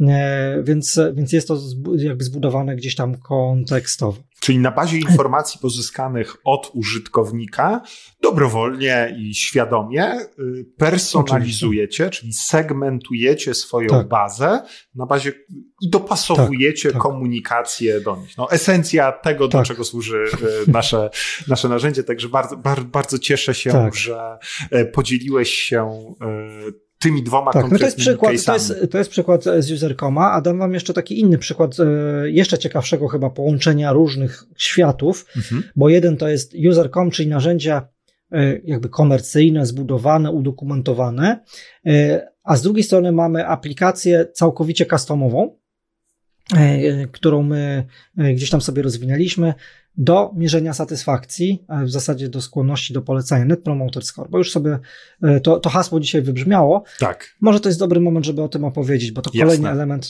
bardzo ważny w naszym marketingu. Mm, co to jest w ogóle Net Promoter Score dla tych, którzy się nie spotkali z tym pojęciem? Więc to jest e, pewna koncepcja e, badania skłonności do polecania Twojej marki. I e, Fred Reinfeldt, autor tej koncepcji, mm, y, miał taki pomysł, że zadajmy tylko jedno pytanie. Jak chętnie poleciłbyś naszą markę znajomemu? I wyświetlmy skalę od 0 do 10. Jeżeli polecisz e, bardzo chętnie, to zaznaczysz wysokie liczby. Jeżeli nie podoba Ci się nasza marka z jakiegoś powodu, zaznaczasz zazwyczaj niskie liczby. No i teraz cała zabawa polega, w niesymetrycznym, polega na niesymetrycznej analizie tych liczb. Dziewiątki i dziesiątki to tak zwani promotorzy marki. Oni przynajmniej deklarują, żeby polecili Twoją markę znajomemu. A od 0 do 6, aż do 6, czyli po ponad połowę tej skali, to są odpowiedzi, które traktujemy jako detraktorów albo nawet terrorystów, tak się ich czasami nazywa. Terrorystów to nie słyszałem jeszcze, ale... Tak, tak, terroryści marki, tak. Albo detraktorzy, no osoby, które w każdym razie e, raczej cię nie polecą.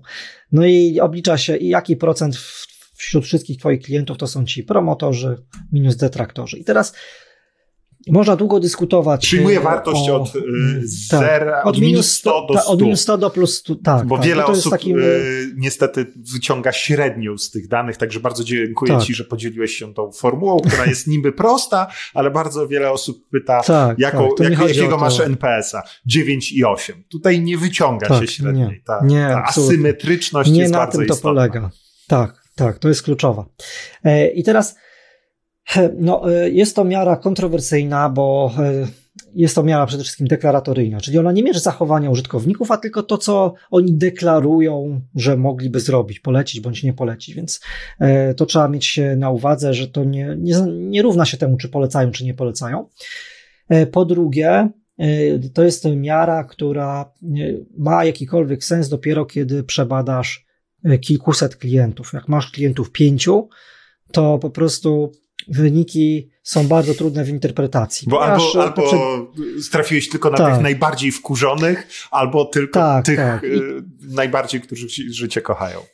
No dokładnie. I tutaj e, no, no, to jest taka miara, że jak nie masz możliwości przeankietowania 100, 200, 300 klientów, to może ona mieć bardzo ograniczony sens. W zależności od biznesu, e... przepraszam, że ci jeszcze przerwę, ale w zależności od biznesu mm. uważam, że NPS-y nie powinny być publikowane bez podania takiego parametru, które my nazwaliśmy sobie submission rate, czyli na ilu procentach klientów to badanie uzyskałeś odpowiedź. Czyli jeżeli miałeś, masz tysiąc klientów i uzyskałeś odpowiedź od nawet 10 czy 20, to, to ta miara nie jest deklaratywna. Nie? Takie, takie nie powinieneś wyciągać na jej podstawie y, żadnych wniosków, tak y, statystycznie rzecz biorąc.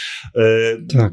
Także Wewnętrznie my na przykład w user.com zwracamy jeszcze uwagę na ten submission rate, ale troszeczkę inna branża, jakbyśmy mieli to na ćwierć milionie klientów yy, sprawdzać, to pewnie byśmy inaczej postawili yy, te, te, te, ten parametr procentowy.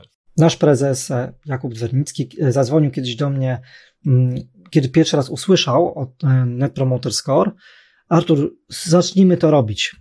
Ja mówię, no dobra, robiliśmy tam jakieś inne ankiety wtedy.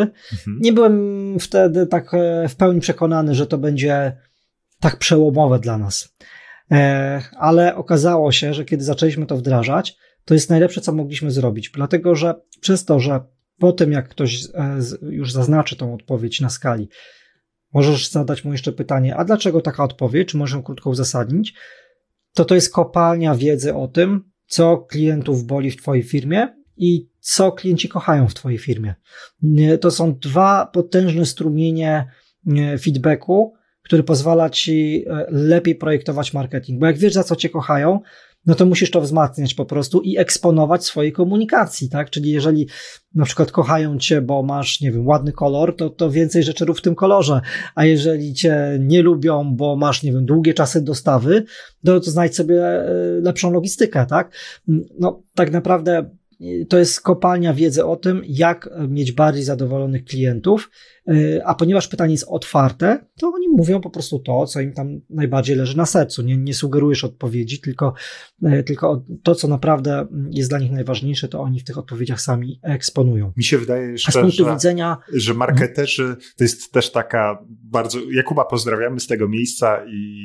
Yy szanujemy jego odwagę, bo w branży hostingowej tak. nie wiem, czy wszyscy y, zgodziliby się na, na, na, tak kontrowersyjne, znaczy kontrowersyjne, na tak istotne badanie, y, z uwagi na to, że to jest troszeczkę jak wiesz, stanie przed lustrem nago, nie? To, to tutaj ludzie naprawdę powiedzą, co o tobie myślą i ty musisz ten feedback przyjąć. Także tak y, wiele osób zasłania się, a że ja nie mam narzędzia, a tutaj jeszcze Artur, y, który pamiętajcie, że jest inżynierem marketingu, dlatego pisze sobie dedykowane rozwiązania. Natomiast Google Forms to jest good enough. Mailing z dziesięcioma linkami i landing page postawiony na, tą, e, na te pytanie poszerzające, to jest naprawdę good enough. Nie ma sensu tego przekombinowywać. Przepraszam, że tak, ale żeby ci przerwałem Jasne. tak brutalnie, chcę po prostu Jasne, zachęcić właśnie, ale właśnie do tej do... części, e, e, bo to jest to, co powiedzieliśmy o NPS-ach, to jest bardziej ta część MAR, a teraz bardziej część tech, czyli okay. jak, to, jak to właśnie realizować.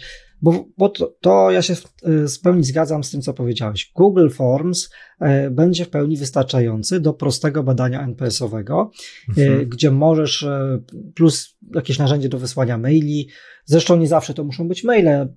Czasami może wyświetlić na przykład pop-up w, w panelu klienta, jeżeli się mhm. logują gdzieś do jakiegoś panelu u ciebie każdym bądź razie, jeżeli jakkolwiek jesteś w stanie ich przekierować do tego Google Forms, to tam oczywiście możesz zadać takie pytanie, narysować skalę, dać pole tekstowe. To może zadziałać jak najbardziej.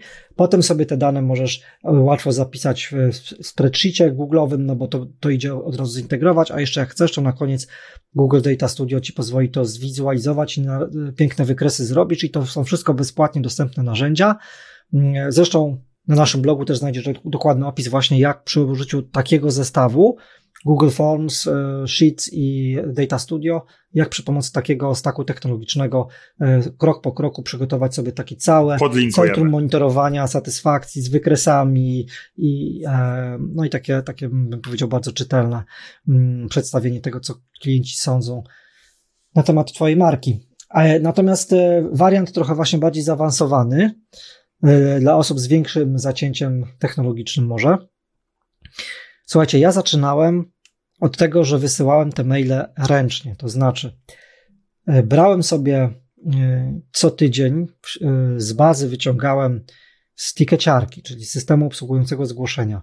Wyciągałem listę wszystkich zgłoszeń z ostatniego tygodnia i wysyłałem maile po prostu redlinkiem, e, czyli narzędziem też do takiej mailowej komunikacji, e, uploadując po prostu CSV z tą, z tą bazą za każdym razem, tak tydzień w tydzień.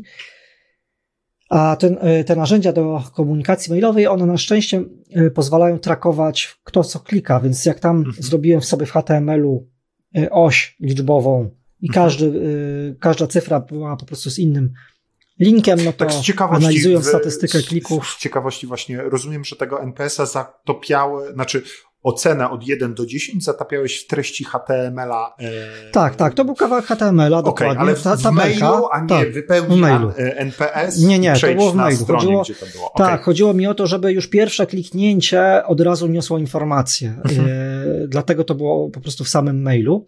E, więc, więc był ten HTML ze, ze skalą. No mhm. i przez to, że była statystyka, kto, w który link klika, mhm. to mogłem sobie zmierzyć, ile było kliknięć w które linki z danej kampanii. Więc co tydzień robiłem kolejną kampanię i co tydzień Spisywałem sobie to jak, y, ręcznie na, na tej podstawie liczyłem NPS. Ale znaczy dla tych, którzy zgłosili tiketa, czyli z założenia tak, tak, mieli tak. problem, czyli ten tak, tak, NPS tak. To był ticket taki, być... taki po, nazwijmy to poobsługowy, taki związany okay. z ostatnim kontaktem z twoją marką.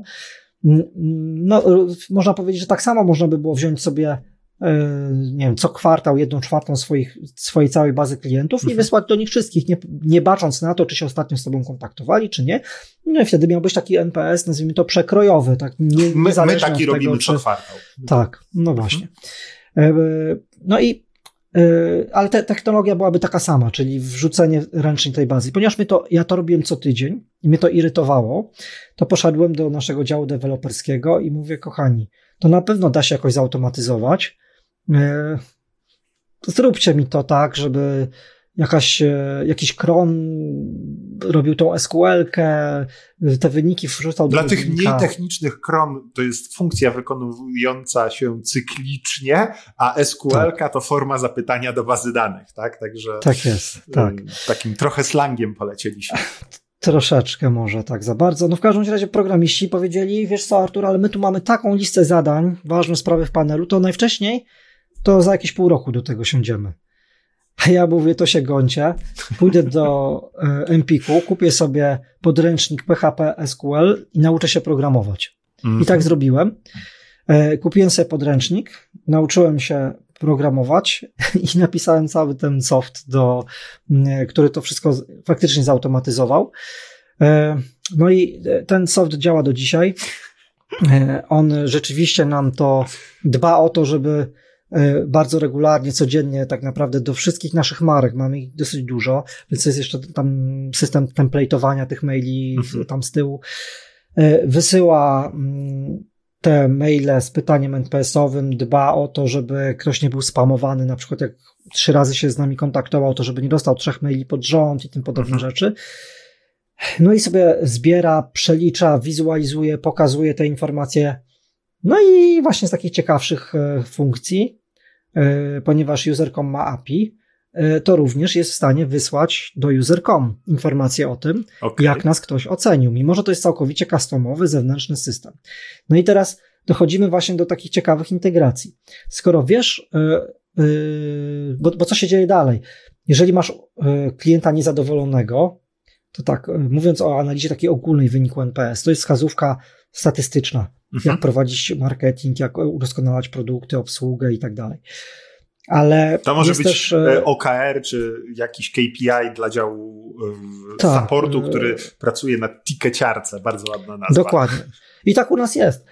Moje wynagrodzenie, ale nie tylko moje, ale dziesiątek osób u nas w firmie, zależy od tego, co klienci powiedzą w tych NPS-ach. Bo my mamy nasz system wynagrodzeń tak zbudowany, że zarabiamy więcej wtedy, kiedy klienci polecają nas chętnie znajomym. Nie? Także y, u nas wszyscy gramy do tej samej bramki, bo zbudowaliśmy na tym cały w ogóle koncepcję też wynagrodzeń. Dlatego Stąd każdemu ten zależy tytuł na tym. Customer y. Happiness Architect. Od tego tak, PHP tak, może, do, do NPS-ów. Kiedy, yy, czyli to jest taka skala makro. Mhm. Statystycznie sobie wnioskujesz, ma, mając Możesz to zrobić tak, jak wspomnieliśmy, przy użyciu Google Forms. Mm, możesz napisać własną aplikację, tak jak ja. Kiedy masz te statystyczne wyniki, czytasz sobie te odpowiedzi, możesz jeszcze tam klasyfikować sobie te odpowiedzi, to to ci napędza marketing na poziomie statystycznym. Mhm. Natomiast bardzo ważna jest taka funkcja e, mikromarketingu, tak bym ją nazwał, mhm. E, czyli tego, żeby zadziałać w odniesieniu do konkretnego klienta, do konkretnego użytkownika tu i teraz. Więc jeśli ktoś powie, że nie jest zadowolony naszej obsługi, to y, menedżer odpowiedzialny za zespół obsługowy w ciągu około 200 milisekund dostaje maila z informacją: hej, ten klient, ten ticket właśnie dał nam ocenę na przykład 0, sprawdź, co się stało, zobacz, co napisał klient, co możemy w tej sprawie zrobić lepiej, kontaktuj się z tym klientem, może da się to jakoś jeszcze naprawić. Mhm. Taki Czyli segment, takie działanie... segment of one, nie? Czy, że widzimy, tak, oceniamy tak, dokładnie. big picture, patrzymy na, na, na, na te statystyki, jak nam w uśrednieniu NPS się kształtuje pomiędzy minus 100 a 100, no, ale możemy zareagować na tego konkretnego Jana Kowalskiego. Fantastycznie. I reagujemy, nie? I więc reagujemy na tego konkretnego Jana. A co jeśli Jan powie, że 9 bądź 10, nie? że bardzo nas lubi i by nas chętnie polecił znajomemu. No to yy, my mówimy, Janek, bardzo nam miło, no strasznie się cieszymy, to poleć. I dajemy ci tu link do opinii w Google, nie? Na przykład. Nie? Czyli podziel się swoją opinią, y, bo wiemy, że jesteś zadowolony, podziel się swoją opinią ze światem. E, czyli znowuż ten powiedzieć... właściwy moment tej komunikacji, czyli. Dokładnie. Znalezienie momentu i tego stanu emocjonalnego, bo ktoś właśnie oświadczył, e, daję mhm. wam dychę, bo bardzo mi się podoba wasz support i to, jak szybko e, reagujecie na każde moje zgłoszenie. Mhm. I on to właśnie powiedział. To my mu wręcz możemy zacytować. Tu właśnie powiedziałeś, że podoba ci się nasz support i że szybko reagujemy na zgłoszenie, więc podziel się tą opinią ze światem. I on w tym momencie zrobi to dużo chętniej niż w jakimkolwiek innym, bo to jest ten, ten moment, kiedy on tą opinię nam napisał. Mhm. Mało tego, my możemy w tym momencie, wiedząc, że jest tak nakręcony już na polecanie, to jest to najlepszy chyba możliwy moment, żeby wysłać mu informacje na temat programu afiliacyjnego, bo mówimy, super, mówisz, żebyś polecił, jeszcze możesz na tym zarobić. Zobacz, tu jest program afiliacyjny, kiedy polecasz nasze rozwiązania, jeszcze możesz mieć z tego prowizję. Mhm. Więc możesz zbudować sobie całą komunikację tylko na bazie tej jednej ankiety NPS-owej, kiedy będziesz wiedział, kto i dlaczego jest z nas zadowolony bądź niezadowolony. Nie? To, to możesz sobie mm, bardzo fajnie zautomatyzować.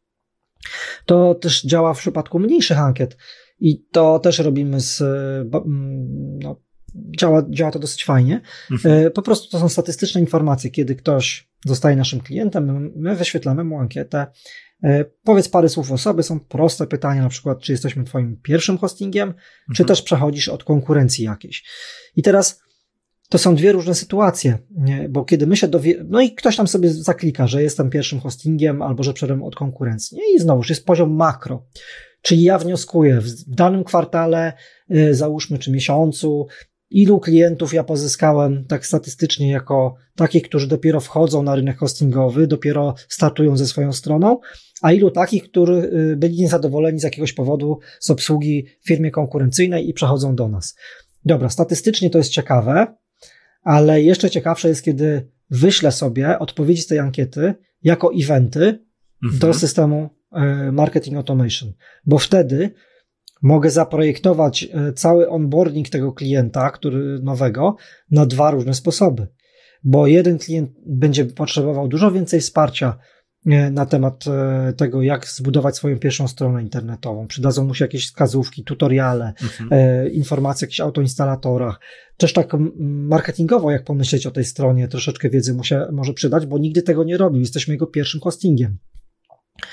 A ktoś, kto przechodzi od nas, e, do nas z innej firmy, to pewnie bardziej mu się przyda content. Nie wiem, trzy największe różnice pomiędzy CyberFox a innymi operatorami hostingowymi. Co, co my na przykład robimy inaczej, co mamy inaczej, nie wiem, w panelu, e, w kopiach bezpieczeństwa, czy tam jeszcze w jakimś innym obszarze. Pewnie go to bardziej zaciekawi, bo stronę on już ma, skoro on przechodzi z innej firmy do nas, to my mu nie musimy mówić, jakie są pierwsze kroki, żeby zbudować własną stronę, nie? Więc wtedy targetujemy te komunikaty, odpowiednio do tego, co ktoś o sobie powiedział w takiej niezobowiązującej ankiecie. Więc masz tą korzyść makro, że widzisz, ilu klientów do ciebie przychodzi stąd czy stamtąd, a korzyść mikro to jest taka, że do każdego z nich wysyłasz bardzo spersonalizowaną komunikację.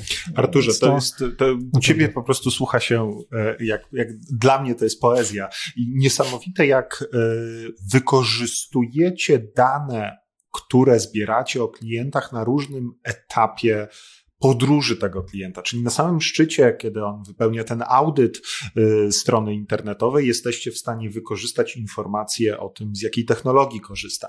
W momencie, kiedy dokonuje pierwszej rejestracji zakupu, to źródło po deklaratywne w 100%, tak? Także wiemy, że ludzie w ankietach kłamią, ale jednak wypełniają y, te, te elementy. Jesteście w stanie z wrzu- wpłynąć na proces onboardingu i spersonalizować komunikację z nimi w tych pierwszych momentach, jak również y, tą komunikację, która w podstawowy współczynnik, nie, znaczy podstawowy współczynnik satysfakcji klienta mierzy, czyli tego NPS-a, który, yy, prawda, sprawdza, tak. na ile by polecali, ale ta komunikacja post-NPS-owa, y, czyli czy rekomendacje w Google Moja Firma, czy inne, to dla mnie naprawdę fantastyczne case'y, y, którymi się y, podzieliłeś.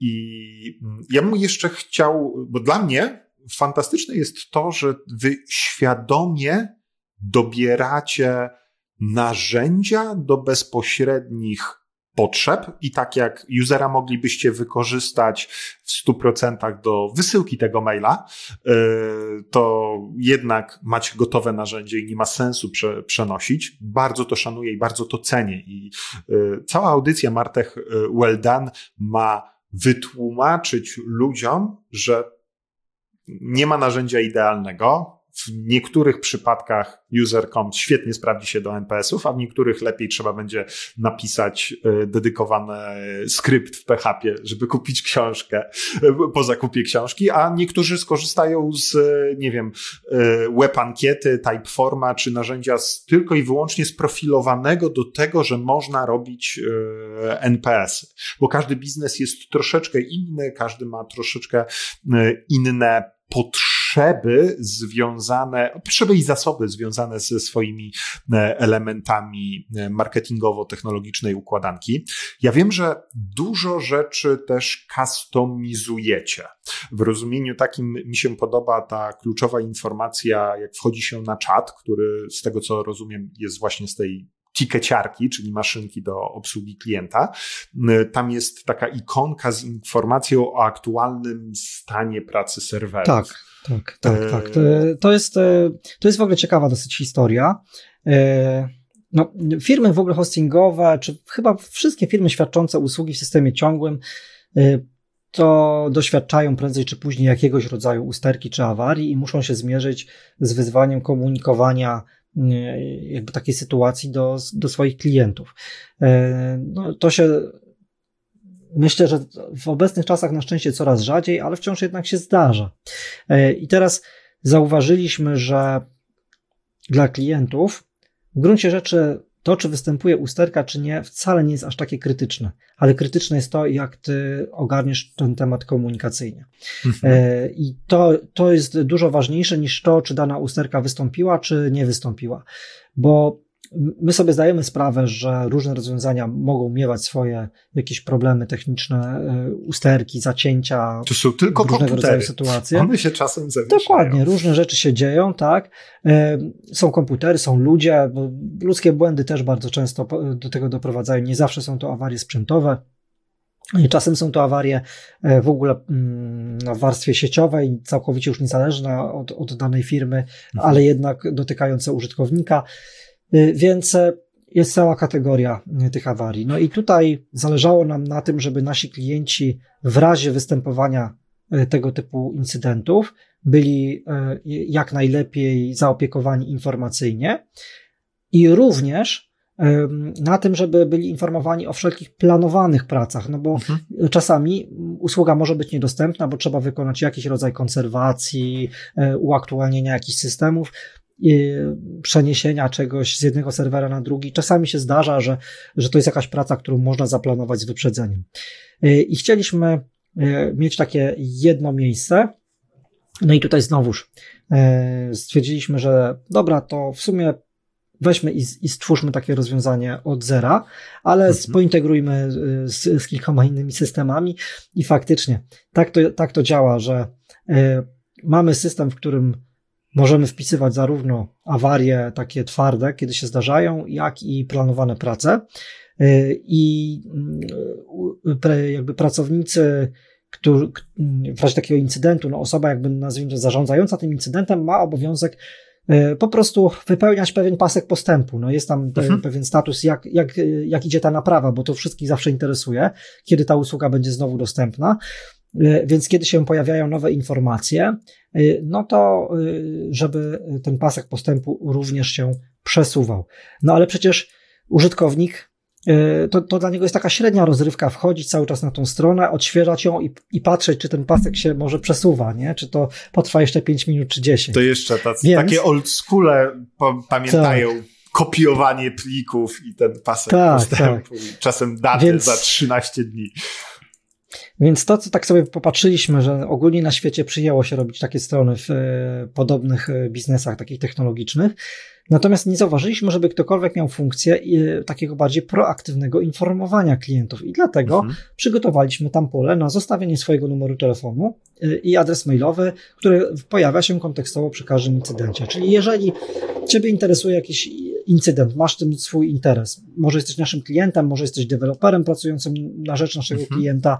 E, no w każdym razie chcesz wiedzieć, kiedy e, dana sprawa zostanie e, załatwiona, to wystarczy, że zostawisz swój adres mailowy albo numer telefonu i my ci będziemy przy każdej zmianie tego paska, tego statusu, jakiekolwiek nowe informacje, będziemy ci wysyłali komunikat SMS-em albo, albo mailem, w zależności od tego, jaka jest Twoja preferencja, e, co się w danej sprawie dzieje. I dzięki temu każdy może być poinformowany. I teraz mamy tą kropeczkę, tą, tą informację o statusie serwerów właśnie też po to, żeby bo, bo to się dzieje w każdej firmie, w telekomach, w bankach, każdym, u każdego Uptime operatora masowego. Zawsze jeżeli nie jest, jest 100%. Tak, tak, ale że jeżeli coś się dzieje, y, to no to nie ma możliwości fizycznie, żeby każdy się dodzwonił i usłyszał od konsultanta, co się dzieje. E, no bo zazwyczaj, jeżeli masz tysiące klientów, to musiałbyś mieć tysiące konsultantów po drugiej stronie. Ćwierć miliona żeby... konsultantów to niedobry pomysł. Tak. Payroll tak. mógłby się e, być mógłby, mało, tak. mało rentowny.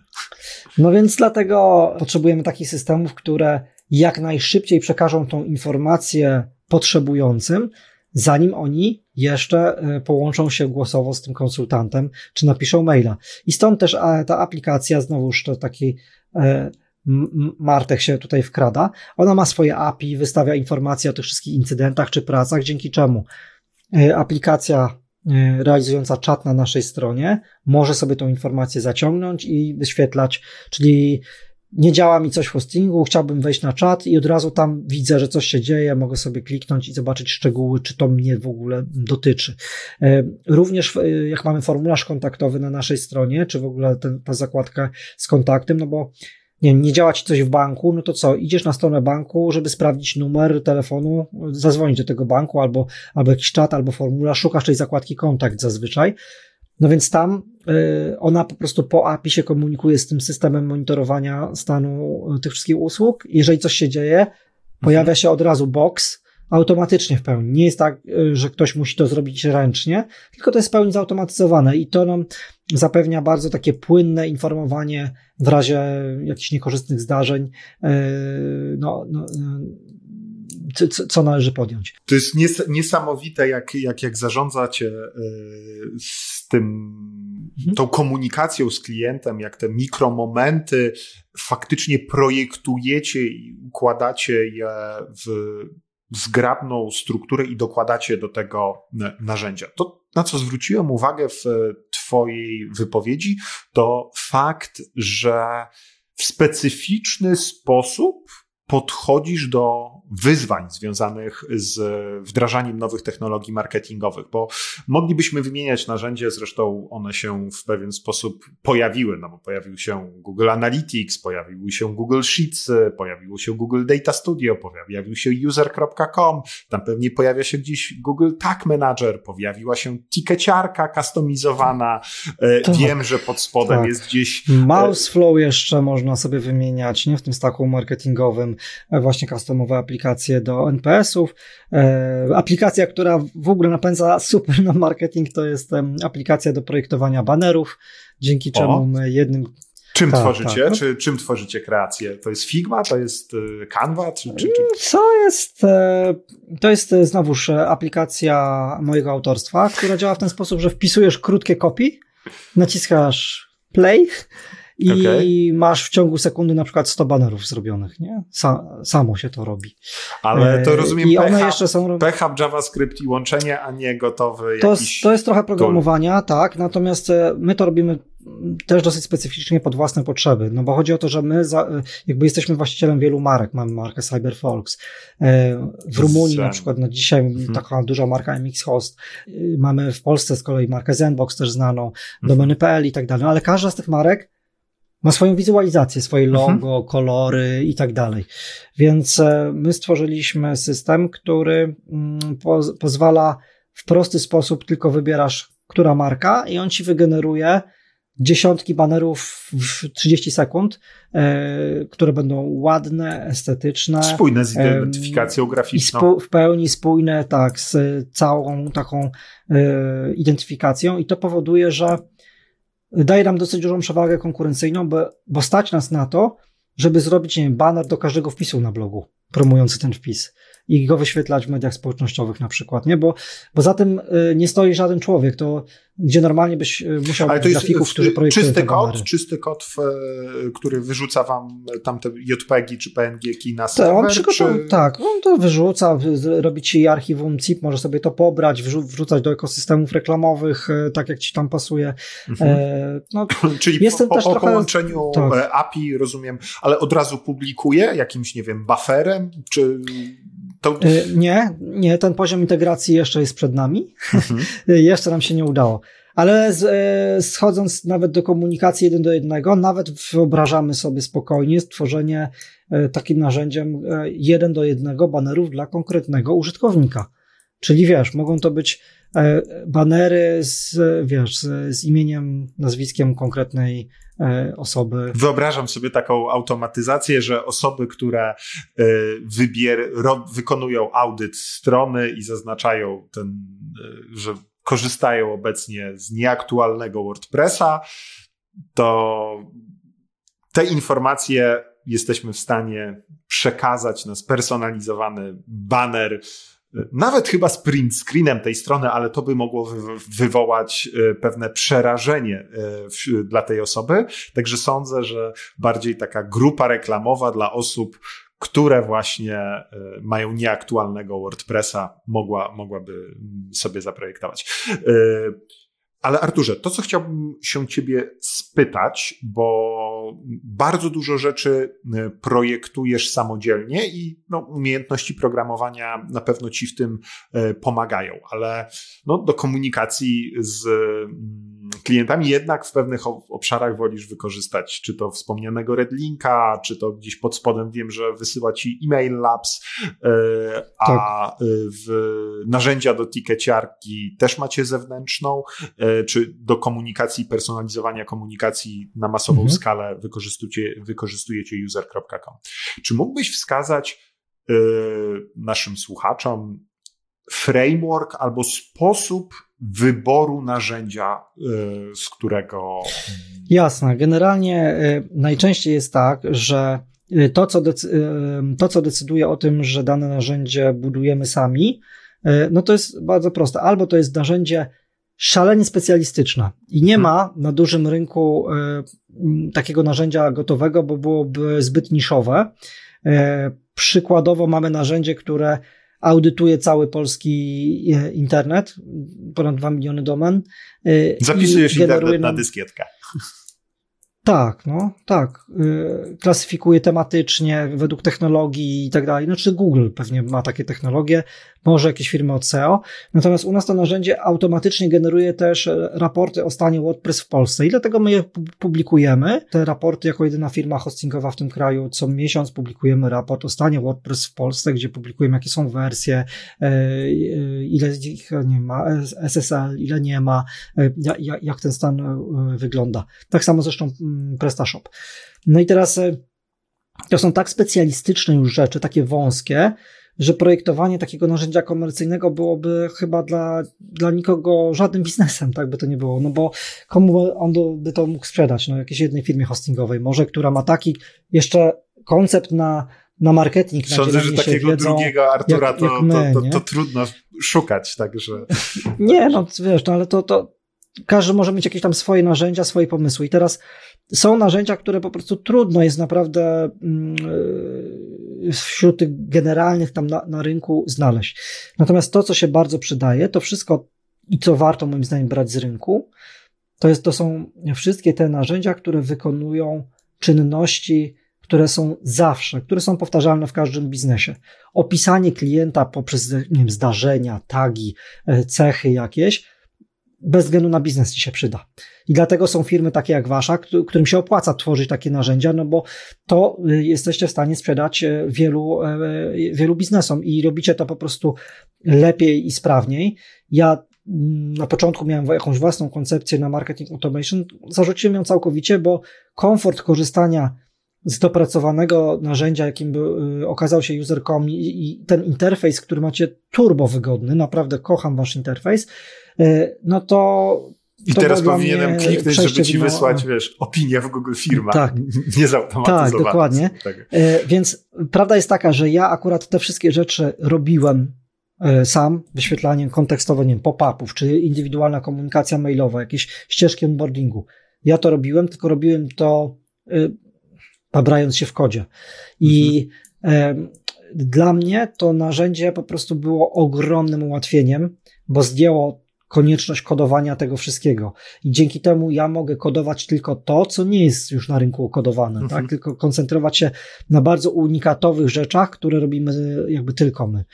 Drugie e, takie kryterium, na które staramy się zwracać uwagę, to to, czy narzędzie jest otwarte na komunikację po API i spinanie z innymi narzędziami. Mhm. Bo to jest bardzo ważne jednak, żeby łatwo to narzędzie wbudować w ekosystem, żeby ono nie było takim zamkniętym pojedynczym klockiem, tylko jednak, żeby ta wymiana informacji z innymi systemami tutaj następowała. Mhm. I to też jest mocny punkt usercoma, że to API jest, że jest dobrze udokumentowane, więc my możemy właśnie z przeróżnych systemów y, dane eksportować y, bezpośrednio do usercom. Część rzeczy usercom zbiera sam, a część rzeczy my eksportujemy z innych systemów, z jakichś naszych baz SQL-owych, no jakby już na, na różne sposoby. Y, natomiast mamy tą możliwość nie tylko poprzez CSV i tam jednorazowy import, ale żeby to się działo samo w tle po API y, i to jest dla nas bardzo też tutaj taki no, istotny. No takie, takie trendy, które, które ja widzę na układance martechowej, no to są no-code, low-code, czyli właśnie takie mhm. możliwości y, spinania różnego rodzaju narzędzi bez konieczności które, y, programowania własnych, własnych mikronarzędzi, ale ten trend, który bardzo wybrzmiewa Y, w Twojej opowieści o Twojej układance marketingowo-technologicznej jest takie coś jak, jest taki trend MAH, Microservices, API First, Composable i Headless i tamten Composable i API First, nie? Czyli ty komponujesz tak. różnego rodzaju układankę marketingową, która jeżeli ma dostęp y, poprzez interfejs API, jest w stanie zrealizować konkretne, konkretne scenariusze. Także tak, jesteś, byłeś e, architektem, e, mm, e, inżynierem marketingu. Ja bym nazwał ciebie artystą, kompozytorem technologii marketingowych w ten, w ten sposób. Mm, ale super. Przepraszam, że ci przerwałem, ale tak jakby musiałem cię nazwać kompozytorem. ale bardzo mi się spodobało to API first, tak? No bo to, to, to rzeczywiście bardzo to pomaga. To, to, to ułatwia nam e, pracę, ułatwia pracę zarówno w wielu aplikacjach, jak i właśnie jeśli ktoś pracuje w środowisku też wielojęzykowym, to też jest fajna sprawa, no bo mhm. potem, jak już masz tą zwrotkę, załóżmy, no tak, o, takie narzędzie jak nasz audyt, mhm. ono gdzieś ma pewien backend i tak naprawdę to, że ty go widzisz, no jaki serwer z tyłu to wykonał i właśnie po API wystawił wyniki. A to, czy ty je prezentujesz po polsku, po rumuńsku, po angielsku, po ukraińsku czy hiszpańsku, to już jest tylko kwestia frontu tak naprawdę. Nie? Mhm. I, i, I, mamy y, dzięki takiemu podejściu również możliwość skalowania się na rynki w innych językach stosunkowo łatwego, tak? bo nie musimy y, przerabiać tego backendu na inne języki, y, a jedynie sam front powiedzmy. Nie? No to są tego typu korzyści. Jakbyśmy, jakbyśmy właśnie mogli poopowiadać trochę, bo ja markę CyberFolks zresztą w, w trakcie swoich szkoleń prezentuję jako idealny case study tak zwanych zaawansowanych lead genów, czyli za zaawansowanych narzędzi, które generują ci lidy. Wspomnieliśmy o kwestii związanej z SEO, czyli audytach stron. Y, ja wiem, że to nie jest tak. jedyny wasz, y, wasz lead gen, bo tam Więc, e, polityka prywatności. Tak, Gdybyś mógł wymienić, poopowiadać. Jasne. Jak... Mamy, mamy tego dużo, ponieważ uważam, że Wspomniałem już na początku rozmowy, przecież mamy tą koncepcję lejka i każdy lejk ma to do siebie, że on się tylko zwęża. On się w zasadzie nie rozszerzy, nie? On tylko idzie w jedną stronę, więc jak chcesz mieć tutaj szerzej, no to musisz mieć tutaj też szerzej, tak? Mhm. I, I wiadomo, no, trzeba zachować tym zdrowy rozsądek, ale staramy się z, jakby łapać jak najszerzej po prostu tych klientów, ale w sposób przemyślany, to znaczy taki, który stale dowozi im wartości, e, wartości jeszcze spójne z tym, jaką my chcemy być właśnie marką. Tak jak opowiadałem, jaką marką jest Cyberfox, jak sobie pomyślicie jeszcze raz o tym e, pasjonacie motoryzacji, e, Volkswagenie Garbusie i, i tak mhm. dalej. No więc chcemy dostarczać takich e, wartości nieustannie. Dlatego myślimy o tym, co jest naprawdę użyteczne. Co jest użyteczne dla osób, które mogą potrzebować usług takich, które my świadczymy. No wszystko, co się wiąże ze stronami i z tym, że będziesz mieć lepszą stronę. Stąd ten, mhm. stąd ten audyt, e, stąd historia tego audytu. No on się okazał dla nas e, narzędziem wręcz prze, przełomowym.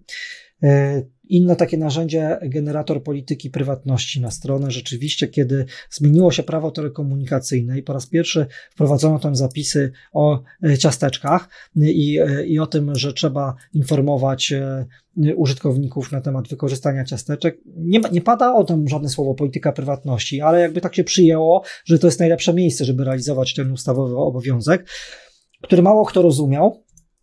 No to my daliśmy ponieważ i tak sami dla siebie musieliśmy to opracować, no to podzieliliśmy się tym ze światem, tak? Czyli daliśmy generator, który najpierw w ogóle wzór, to był pierwszy koncept, to był tylko i wyłącznie wzór, który e, można było statyczny, ściągnąć. który można było sobie ściągnąć. Było tam nawet napisane, skąd go ściągnąłeś. Dużo osób tego nie usuwało, przez to my mieliśmy fajne darmowe linki na wielu stronach. E, że, że, to jeszcze że hak na SEO strony. przekładający więc, więc był też hak na SEO, dokładnie. A rozwinęliśmy to do postaci e, takiej interaktywnej, gdzie ty jednak mówisz coś o swojej stronie, typu, że korzystasz z Pixela Facebooka, że korzystasz z Google Analyticsa, że jesteś na przykład sklepem i te dane osobowe na przykład trafiają do firm kurierskich, które, które ty zbierasz, tego typu rzeczy. Więc tam sobie zaklikujesz e, troszeczkę o tym, co ty robisz z tymi danymi mhm. i kontekstowo na, na podstawie tego, co zaklikasz, generuje się dokument przygotowany pod Twoją konkretną y, sytuację. Y, inny interesujący y, przykład, który. Ja jeszcze, przerwę, ludzie... jeszcze nawiążę do tego, bo teraz jednak świadomość ludzi dotycząca zarządzania polityką i tymi cookiesami wzrasta z mojej perspektywy i coraz częściej są takie rzeczy, które ja nazywam może brzydko płachty ciasteczkowe, czyli kawałek skryptów, który pojawia ci się nie tylko zaakceptuj cookies, ale tak jakby zarządzaj polityką cookies, czyli możesz oddzielnie odznaczyć, które są analityczne, tak. które są marketingowe, które e, są systemowe. E, także jak wypuścicie taki open source'owy mm, tool, narzędzie, obiecuję, że będę ambasadorem i wszystkim e, będę o tym opowiadał.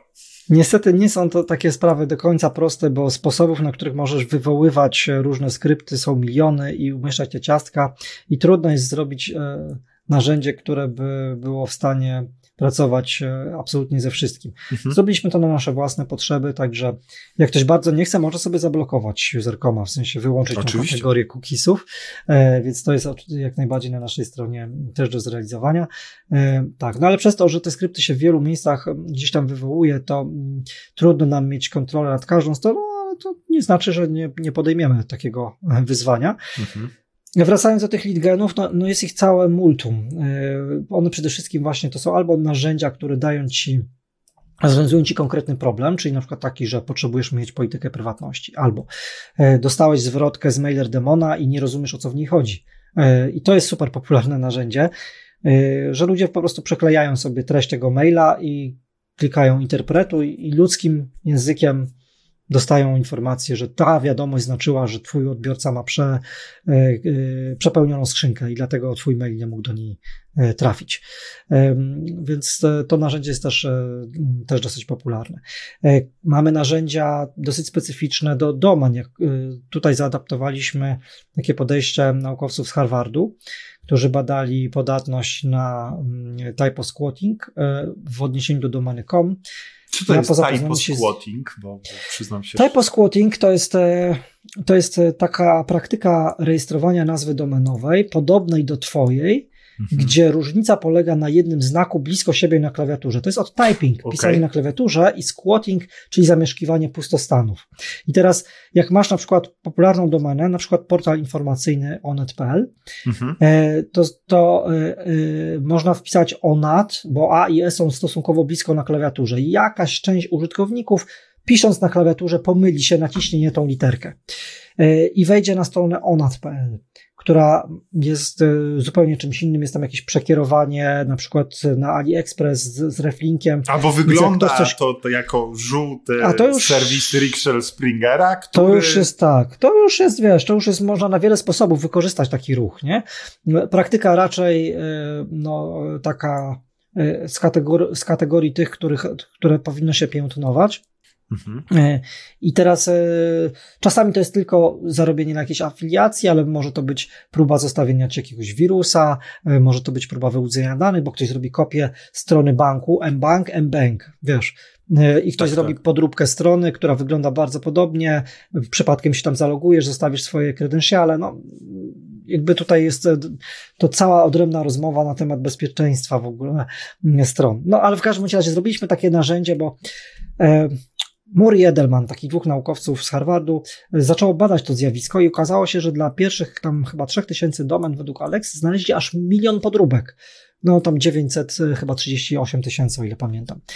Więc prawie milion podróbek dla popularnych serwisów bazujących na tym, że ktoś naciśnie klawisz, który jest blisko na klawiaturze. Mhm. I stwierdziłem, to jest bardzo ciekawe zagadnienie. E, więc ja je trochę rozwinę, dopasuję do polskiego rynku i napisałem znowu soft, bo przecież Martech, no to muszę pisać softy, nie? Ja bym się udusił, jakbym nie napisał czegoś. Rozumiem. Więc napisałem też... narzędzie. Mm. Tak. Mhm. napisałem narzędzie, które jak podasz swoją nazwę domeny, to ono ci bada podatność twojej domeny na takie właśnie manipulacje.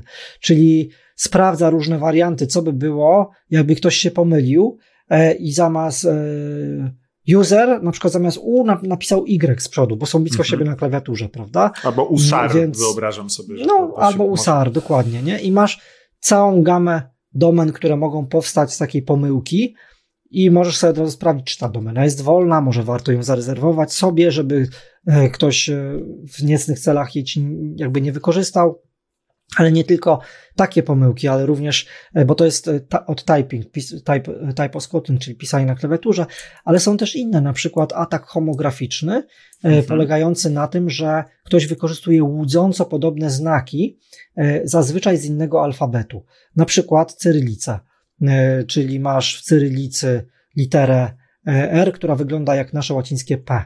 Mhm. No i tak, no i, i wtedy możesz wykorzystać to do jakby zrobienia nazwy, która wygląda bardzo podobnie, ale dla komputera to jest inny zestaw znaków, inny adres tak naprawdę, nie? Więc no tak, wejdziesz na, na inną R, stronę. Uma. No. Kumam. No dokładnie i było słynne tam atak na M-Bank, gdzie było A z taką minimalną kropeczką nad, y, nad czy pod literką A, już nie pamiętam z jakiego to mhm. alfabetu nawet pochodzi, ale ta kropka to był dosłownie jeden piksel. Bardzo trudno to było zauważyć, mm, że to nie jest A w M-Bank, tylko to jest A z jakimś tam drobną, z drobną modyfikacją. Y, rosyjska litera K y, wygląda nieco inaczej niż łacińska litera K, bo, e, bo nie jest na całą wysokość linii, tylko jest taka niższa, ale większość osób też na szybko może nie zauważyć tej, tej drobnej różnicy. Zresztą cały atak homograficzny został opisany przez izraelskich naukowców na przykładzie domeny Microsoft.com, która została napisana cyrylicą. E, I tak, no bo M to rosyjskie T, prawda, i tak dalej. E, więc, więc badam po prostu podatność na tego typu ataki, takie, że coś wygląda podobnie, albo że było blisko siebie na klawiaturze, mhm. albo że brzmi podobnie, a tak jeszcze możesz, bo tak homograficzny, czyli jak patrzysz, jesteś na to podatny. Mhm. Ale na przykład osoby jak się niedawno dowiedziałem na, na WordCampie mm, w Warszawie, że osoby niewidome no nie są na atak homograficzny podatne w ogóle, no bo przecież nie widzą, jak ta mhm. domena jest napisana, e, ale na atak homofoniczny są już bardzo podatne, bo czytnik który czyta im po prostu, prawda, głosowo treść strony internetowej, jak, jak zrobisz coś, co po prostu fonetycznie jest bardzo podobne, no to wtedy się mogą złapać na taki atak typu M-Bank, M-Bank, jakoś tak, wiesz, e, tutaj mhm. mogą być albo, e, albo M-Bank, G na końcu, bang, bank, bank no wiesz, dźwięczne, bezdźwięczne, wiesz, E, I, i, i Jednak czytane przez syntezator, tak, który tak.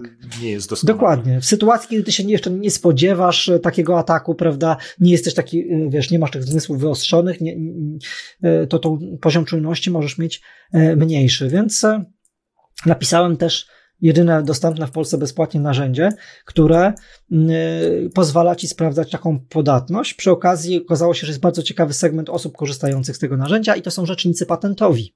O. A to dlatego, że to y, dostęp do baz patentowych jest generalnie bardzo drogi, a rzecznicy patentowi, kiedy y, mają zarejestrować jakiś znak towarowy, no to oni sprawdzają, czy istnieją podobne znaki, prawda, żeby, mhm. bo, bo, bo, bo urząd nie zarejestruje, jeżeli jest podobieństwo bardzo duże, prawda, tego znaku do już istniejącego, chronionego w danych klasach tematycznych. Y, więc y, sprawdzają sobie, wpisując właśnie domenę, czy istnieje coś już bardzo podobnego do tej domeny, nie? Czy to im ułatwia po prostu pracę, bo to jest bezpłatne i natychmiastowe, nie? Nie, nie muszą przekopywać się przez drogie bazy patentowe, bo od razu coś widzą. Także bardzo ciekawy segment to, przy okazji takiego narzędzia. Muszę to narzędzie zgooglować, bo, bo naprawdę bardzo, bardzo A zapraszam ciekawe. na cyberfolks.pl, zakładka domena i tam jest e, e, takie, takie narzędzie bezpieczna domena e, i, i możesz sobie od razu... Domeny, bezpieczna domena. Może pójdźmy tą, tym kierunkiem właśnie mm, bezpieczeństwa, bo wiele osób nie zdaje sobie sprawy, jak hosting, który jako CyberFox dostarczacie, może być narzędziem marketingowym, tak? No, może być narzędziem marketingowym w tym obszarze, który już dotknęliśmy, czyli e, kwestii związanej z szybkością e, ładowania strony, tego jak szybko pierwszy bit się załaduje. Mm, hosting może być dopasowany pod określone silniki e, sklepów, tak jak wymieniłeś WordPress czy Presta, dzięki czemu te określone biblioteki ładują się szybciej, a szybkość ładowania strony jest bardzo istotna dla Google'a. E, marka CyberFolks, czyli ci, co pomagają, może dostarczyć ci pewnych e, konkretnych narzędzi, które pomogą w pracy marketera, czyli polityka prywatności, audyt e, strony. Natomiast dotknęliśmy kwestii y, ochrony domeny, ochrony marki i tutaj jeden z waszych produktów SSL i tego rodzaju rzeczy. Wiem, że y, macie pewien obszar, y, który Oczywiście, dotykacie tak. w tym obszarze. Jakbyś mógł tak, tak. rozwinąć? Tutaj jeśli chodzi o mm, certyfikaty SSL, bo to mm, nawiązując w ogóle do, do automatyzacji marketingu, to jest też dosyć ciekawe, bo to jest znowuż przecięcie wielu systemów. No bo to jest taka sytuacja, że e, większość e, stron dzisiaj już korzysta z certyfikatu SSL. E, no i możemy to też może przypomnieć każdemu, że certyfikat SSL umożliwia zaszyfrowanie komunikacji przeglądarce użytkownika i ona w takiej zaszyfrowanej postaci wędruje na serwer. Czyli, to tak jak tak. ten formularz zapisywania hasła, to zawsze tam nie tak. leci to nigdy plain tekstem po sieci. tak, no jest... chodzi, tak, chodzi o to, że gdyby ktoś podsłuchał tą transmisję, mhm. na przykład w otwartej sieci Wi-Fi albo w jakiś inny sposób podsłuchał ją po drodze, i gdyby ona nie była zaszyfrowana, no to mógłby poznać wszystkie informacje podane w tym formularzu, czyli hasło, imię, nazwisko, adres i tak dalej. A kiedy to zostaje zaszyfrowane, no to e, raczej jest e, bardzo mała szansa, że ktoś po drodze będzie w stanie zapoznać się z treścią takich informacji, one są odszyfrowane dopiero na serwerze. Jest to powszechnie dostępny y, sposób y, ochrony y, poufności mm, tych informacji. W zasadzie bardzo ważny. Dzisiaj mm, Google wprost mówi, że jest to istotny czynnik e, rankingowy, czyli o ile jeszcze parę lat temu była taka dyskusja, czy posiadanie certyfikatu SSL na stronie wpływa na pozycję, i były różnego rodzaju badania. Neil Patel między innymi takie robił, dowodził, że tak, że jest korelacja pomiędzy tym, czy masz wysokie pozycje i tym, czy masz certyfikat SSL. Natomiast e, Google jasno zakomunikował, już, że nie będzie już tak, indeksował. Już tak jasno zakomuniko, zakomunikowało, że tak, że dla nas to jest ważne, żeby jednak stosować, bo sprzęt obliczeniowy dzisiaj mamy taki, że to nie spowalnia w żaden odczuwalny sposób tej komunikacji, działania stron czy internetu. No i teraz, mimo to, jest pewna grupa osób, które nie dbają o to, bo, bo po prostu nie wiedzą. No myślę, że to głównie z tego wynika. Mhm. No i E, pierwszą technologią, którą my tutaj wykorzystujemy, jest przekonanie się, czy ktoś e, w ogóle ten certyfikat ma na stronie, czy nie ma. Czyli jeśli ktoś robi e, właśnie wspomniany audyt, to jednym z punktów tego audytu jest sprawdzenie certyfikatu SSL. Czyli sprawdzamy sobie, czy masz certyfikat, sprawdzamy sobie, jaki masz rodzaj tego certyfikatu, do kiedy jest ważny, tego typu parametry.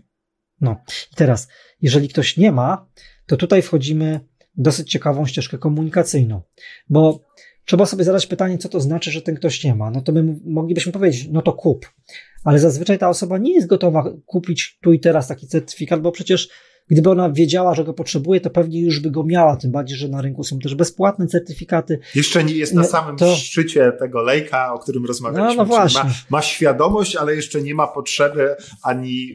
E, ma tylko świadomość, że chce mieć stronę internetową, bo, bo, bo ma stronę, mm, ale pewnie nawet nie, może nie mieć świadomości, że stronę trzeba zabezpieczać SSL-em. Więc my w pierwszym kroku mówimy takiej osobie: hej, zauważyliśmy, że nie masz certyfikatu SSL, proszę, tutaj jest artykuł, przeczytaj, dlaczego to jest ważne w ogóle, żeby się tym zainteresować, o co w tym chodzi, co to są te certyfikaty. E, I nasz, nasza komunikacja jest totalnie niesprzedażowa, bo to nie jest ten etap, znowu odwołujemy się do Lejka, gdzie próby sprzedażowe miałyby większy sens. Czyli tutaj mm, to jest etap edukowania, y, mm, pokazywania, dlaczego w ogóle taki certyfikat mieć, co to są te certyfikaty, do czego one służą, co one robią, czego one nie robią, bo też jest na rynku bardzo wiele takich błędnych przekonań, typu Moja strona ma kłódkę, więc na pewno nikt mi się nigdy nie włamie na stronę. Przecież moja strona jest bezpieczna, więc jakie tam włamanie? Ja mam kłódkę. Tak, tak ludzie I, myślą. I 15 wtyczek do WordPressa. Które... Tak. E, no, tam 15. 150 niektórzy potrafią mieć, nie? E, no ale więc e, pierwszy etap to jest właśnie ta edukacja, ona jest zupełnie nienachalna. I dopiero kiedy my widzimy, że ktoś zainteresował się tą edukacją, czyli kliknął w e, tego maila, przeczytał sobie artykuł o co chodzi w tych SSL-ach, dajemy mu kilka dni na przetrawienie tych informacji, Dopiero potem mówimy, to słuchaj, przejrzyj sobie, jaka w ogóle jest oferta tych SSL, ile to może kosztować, jak to wygląda. No więc mhm. kierujemy na taką stronę, ale też nie w jakiś tam nachalny sposób, e, że tu i teraz masz kupić. E, więc dajemy komuś tam szansę stopniowego oswajania się z tematem. Potem, jak jeszcze nie kupił, mówimy tak, czyli tak, wiedzę ma, mhm. E, co to są już certyfikaty. Ofertę zobaczył, ale nie kupił no to może było za drogo, no to wyślimy kupon rabatowy, nie? No to okay, następnym czyli, kroku czyli możesz wysłać znowu komuś... przekładamy informacje, które tak. mamy o użytkownikach, łapiemy jego kontekst tych danych, tak. a naj, na, dalej personalizujemy kwestie. Arturze. Dokładnie, czyli wiesz, no to, to, to ta komunikacja jest bardzo uzależniona od tego etapu, na którym ty jesteś, właśnie i tych zebranych informacji o tobie jako użytkowniku. Arturze, bo przy, znaczy jesteś kompozytorem. Ja słucham twoich y, kolejnych mm, utworów, bo dla mnie to brzmi jak muzyka. Natomiast y, chciałbym powoli, bo już zbliżamy się do drugiej godziny y, dyskusji, powoli zamykać naszą rozmowę pewną e, klamrą. I mm, fantastycznie, że jest, podzieliłeś się e, narzędziami takimi jak Excel, jak Google Analytics, jak Google Sheets, Data Studio, User, e, własne narzędzia w PHP. Wydaje mi się, że wybrzmiało to, jak rozsądnie podchodzisz do tworzenia narzędzi. Czyli wracając do tego NPS-a, że najpierw po prostu eksport z CSV do CSV, wrzucenie tego do Redlinka, i po prostu ręczna, ręczna wysyłka, a dopiero później automatyzowanie pewnych procesów. E, naprawdę, naprawdę bardzo, bardzo wartościowymi treściami się e, z nami podzieliłeś. Ja chciałbym się Ciebie spytać, bo posiadasz unikalną umiejętność tworzenia własnych narzędzi. Natomiast yy, nie wszyscy pójdą po tą książkę i nauczył się programować w PHP. I też bardzo często te narzędzia nie ma konieczności, aby, aby tworzyć koło, które jest już wymyślone. Czy mógłbyś się podzielić takimi, takim swoim prywatnym stakiem marketingowym? Czy wszystko w Google Spreadsheetie, czy może jednak, nie wiem, na nie, urządzeniu nie, no... mobilnym masz takie aplikacje, w którymi sobie. Jeśli chodzi o takie rzeczy bardziej prywatne, mhm. Zupełnie jakby inny level, e, to e, z takich ciekawszych narzędzi, e, to, to, chociaż e, to, to mam takie jedno, ale ono jest, ono już trochę wybrzmiało. I to jest klawiatura. Okay. Tak. dlaczego? Po prostu przyjemnie się pisze na fajnych klawiaturach. Nie? To, to jest, okay. masz takie doświadczenie, że ta praca jakby staje się jeszcze bardziej To jest twoja maszyna do pisania, jak prawdziwy pisarz, jest, tak, kompozytor jest, jest, jest maszyna do... do pisania, dokładnie. A ja jestem osobą też, e, która stara się być aktywna w mediach społecznościowych, zwłaszcza na mhm. LinkedInie i dlatego wybrałem klawiaturę, która ma E, rząd e, przycisków, tak, z emoji. No i e, dzięki temu po prostu dużo szybciej, dużo sprawniej trzaskam posty, e, bo te ikonki, na których mi zależy i których używam najczęściej, mam zawsze pod ręką. Także to jest taka mała, śmieszna rzecz, zupełnie mm, poza tym całym ekosystemem software'owym, która pracę w marketingu, w mediach społecznościowych potrafi bardzo uprzyjemnić i ułatwić.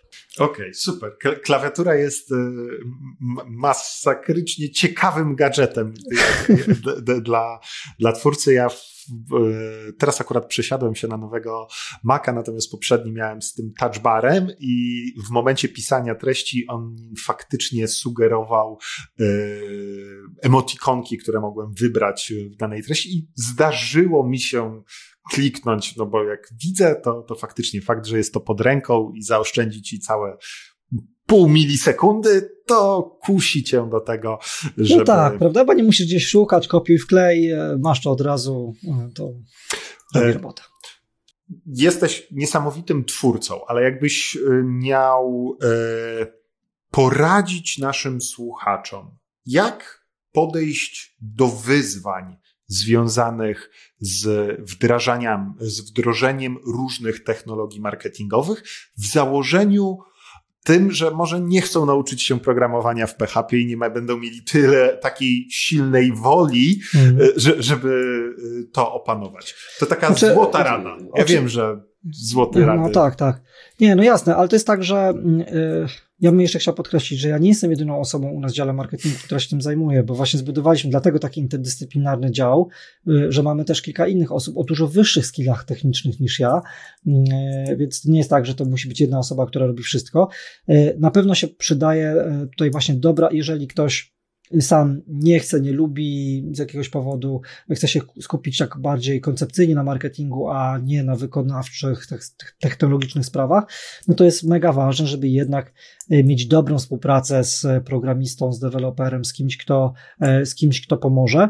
E, no a w moim wypadku to zwyczajnie no, jakoś tam skracało tą drogę, no bo wtedy od razu pomysł stawał się kodem i to było takie sprawne, ale mm, to nie jest jedyna droga, bo, bo jeżeli jakby masz w zespole takie osoby, które są w tym dobre, albo tak po prostu buduj swój zespół, żeby mieć takie osoby, no zwyczajnie, że, że czasem warto do działu marketingu zatrudnić nie tylko osoby o czysto marketingowych skillach, ale właśnie e, programistycznych. I tu umówmy się, my tu nie odkrywamy Ameryki, w sensie no, nie budujemy y, systemów, które by autonomicznych samochodów fizyki, nie wysył... autonomicznych samochodów. Nie, e, sprawdzamy te, te natomiast... Skille, tak, na takim dobrym rzemieślniczym poziomie są tylko potrzebne. Tu no, nie trzeba mieć e, nie wiem, seniorów, e, deweloperów pracujących w egzotycznych technologiach, bo poruszamy się w technologiach bardzo popularnych, tak, PHP, JavaScript, JavaScript HTML, to, to, trochę informacji wymienionych po różnych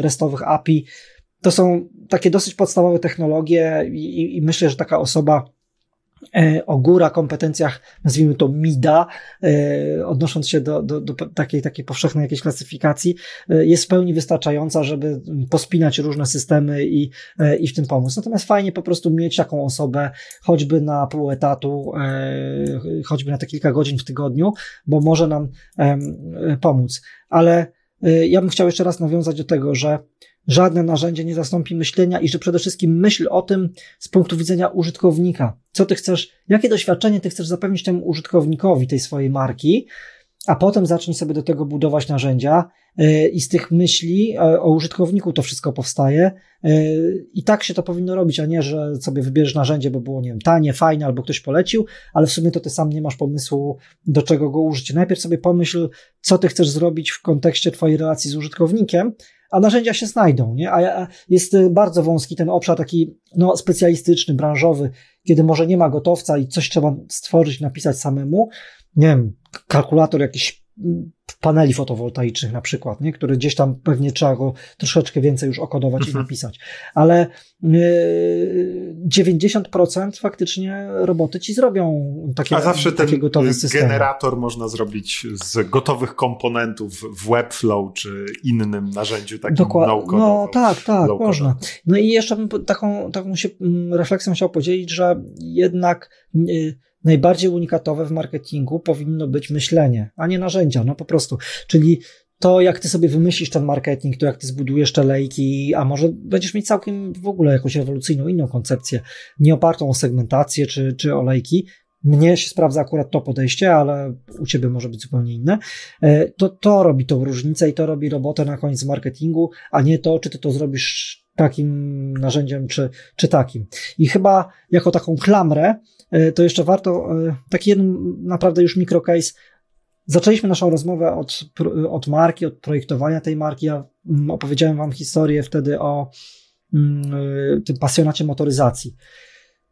I w tym roku, w zeszłym kwartale, przez LinkedIna, miałem kontakt z bardzo ciekawą osobą, Myślę, że mogę ją wymienić z imienia nazwiska, bo się, bo się lubimy i myślę, że nie ma nic przeciwko temu, bo, bo się śmiejemy zawsze z tego case'a. E, to jest Lidia Kreba-Górecka i Lidia do mnie napisała, e, Słuchaj, widzę, że publikujesz dużo na temat e-commerce'u. Ja mam problem, e, jak zintegrować PrestaShop z jakąś tam zewnętrzną hurtownią. Czy można się z Tobą mówić na jakąś rozmowę, czy możesz czym pomóc? No i tak od słowa do słowa opowiedz więcej o tym swoim sklepie. Wiesz, to taki sklep z branży motoryzacyjnej. Ja mówię, o, to ciekawe, wiesz, mamy dużo klientów z tej branży, no na przykład Subaru u nas jest na serwerach. No, nie, nie, wiesz, to jest bardzo niszowy, wiesz, bo to jest taki sklep z częściami do starych samochodów. E, I się okazało, że to jest sklep, który buduje dla teścia. Do, jedyne na co nie trafiłem to, że to jest do Mercedesa od Timera, e, a nie, nie Garbusa. na Garbusa, tak. E, I mówię, i to jest ten moment, kiedy persona nakreślona, kiedy budujesz markę, 2-3 y, lata wcześniej po prostu objawia się z krwi i kości i dzwoni do ciebie, nie? I to jest, to jest takie budowanie marketingu, żeby potem właśnie te persony, które tam sobie wyobrażasz, żeby one fakt, żeby być atrakcyjnym rzeczywiście dla tych osób, które sobie tam za, za, zaprojektujesz. E, no i ja mówię, dobra, jako marketer jestem spełniony. Moja persona do mnie przyszła, to był całkowicie teoretyczny konstrukt i się okazuje, że faktycznie e, udaje nam się tak ten marketing prowadzić, żeby właśnie e, właśnie dla takich osób być atrakcyjnym. No i takiego marketingu Wam wszystkim życzę, że po prostu to wynika nie tyle z narzędzi, co z myślenia, a te narzędzia gdzieś tam przychodzą po prostu w tle.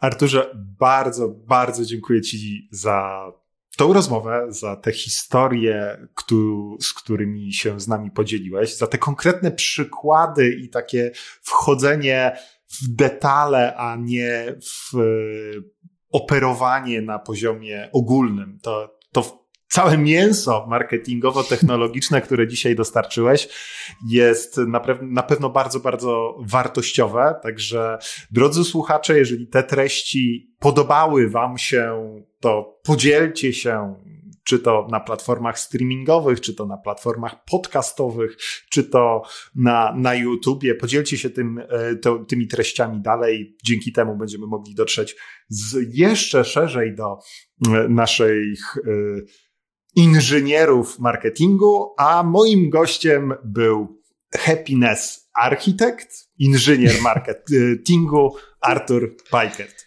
Dziękuję Ci Dzięki bardzo. wielkie, dzięki ogromne. Wam dzięki za wysłuchanie naszej dosyć długiej rozmowy. Będzie nam również bardzo miło przeczytać Wasze komentarze e, pod e, e, właśnie tym materiałem na tej platformie, na której go oglądacie. Dzięki Trzymajcie się wielkie. ciepło. Pozdrawiamy. Cześć. hej. Do usłyszenia.